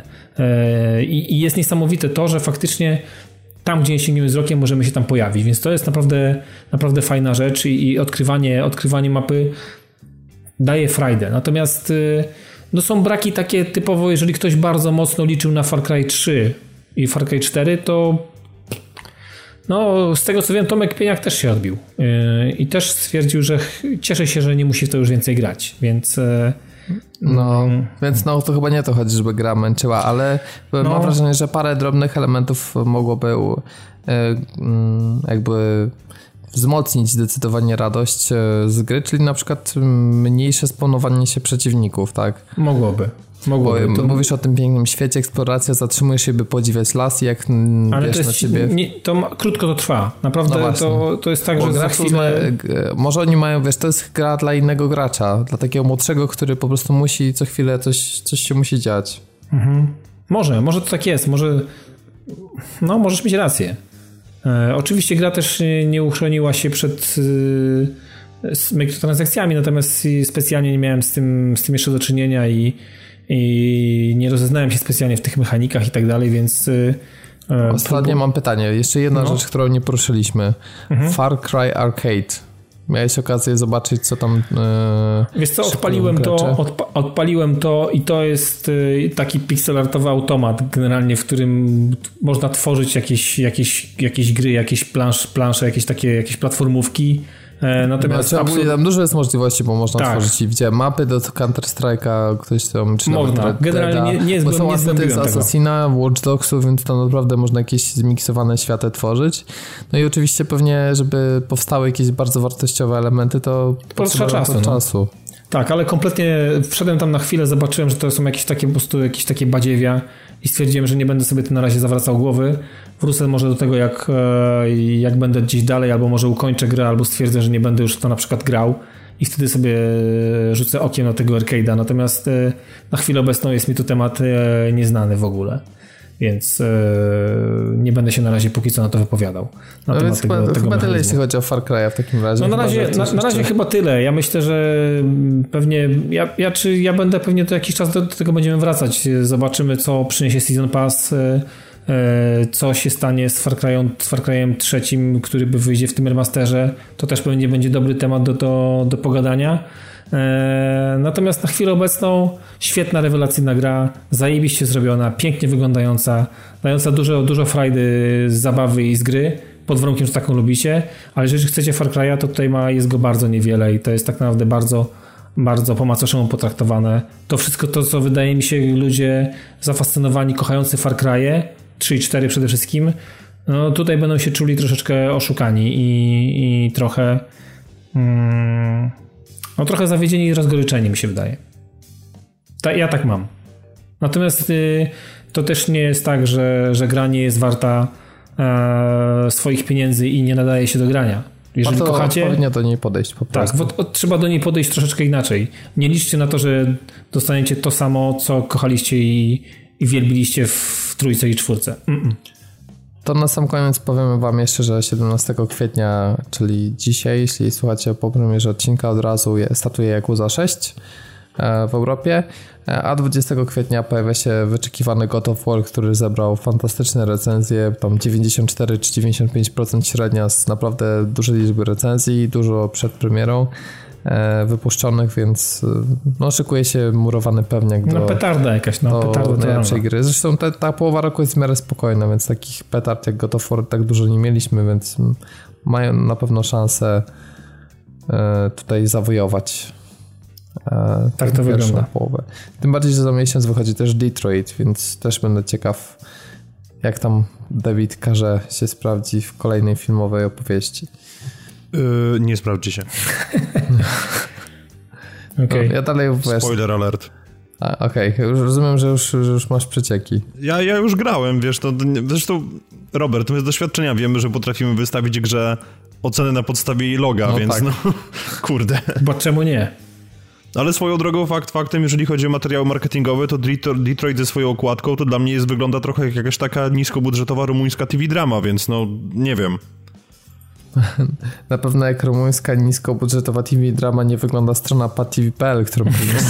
Boże, dobre, dobre. Gdzie po, między innymi jest już naprawiony widget y, z Patronite oraz nowa ankieta. A co z ankietą? Jest nowa. O, jest nowa. Jesteście na bieżąco. Tak? Tak. W jaki Kurde, rodzaj gier grasz naj, ostatnio najczęściej? Liniowe gry single player, gry z otwartym światem, Battle Royale, klasyczne gry na multi, czy gry sportowe łamane na wyścigowe oraz inne? A to nawet z pracy już, już, już głosowałem. Teraz muszę to jeszcze zrobić z domu i z, zaburzę wyniki. Póki co są dwa głosy na gry sportowe, wyścigowe, więc podejrzewam, że to ty. Nie mam żadnego pojęcia o czym mówisz. Z pracy i z domu. Nie, z domu jeszcze nie. A, okej. Okay. Więc będą okay. trzy. Okej. Okay to z domu i z pracy możecie wchodzić na naszą grupę na Facebooku, a także pisać do nas na Twitterze i wesprzeć nas na Patronite. Przy okazji też dziękujemy TheHosting.pl, naszemu partnerowi technologicznemu, który zapewnia wspaniały, dobrze sterowanie, sterowanie kanapek z podcastem. Dokładnie. Także jeżeli szukacie hostingu, to, to polecamy thehosting.pl. A my żegnamy się z Wami już i dziękujemy za przesłuchanie 274 odcinka podcastu. Prowadziłem go ja, Robert Fiałkowski, a ze mną dzisiaj dzielnie nagrywał Piotrek Mudzelewski. Dzięki wielkie za uwagę. I Dawid Maron. Dzięki i do usłyszenia w kolejnym odcinku. Trzymajcie się i do usłyszenia za tydzień.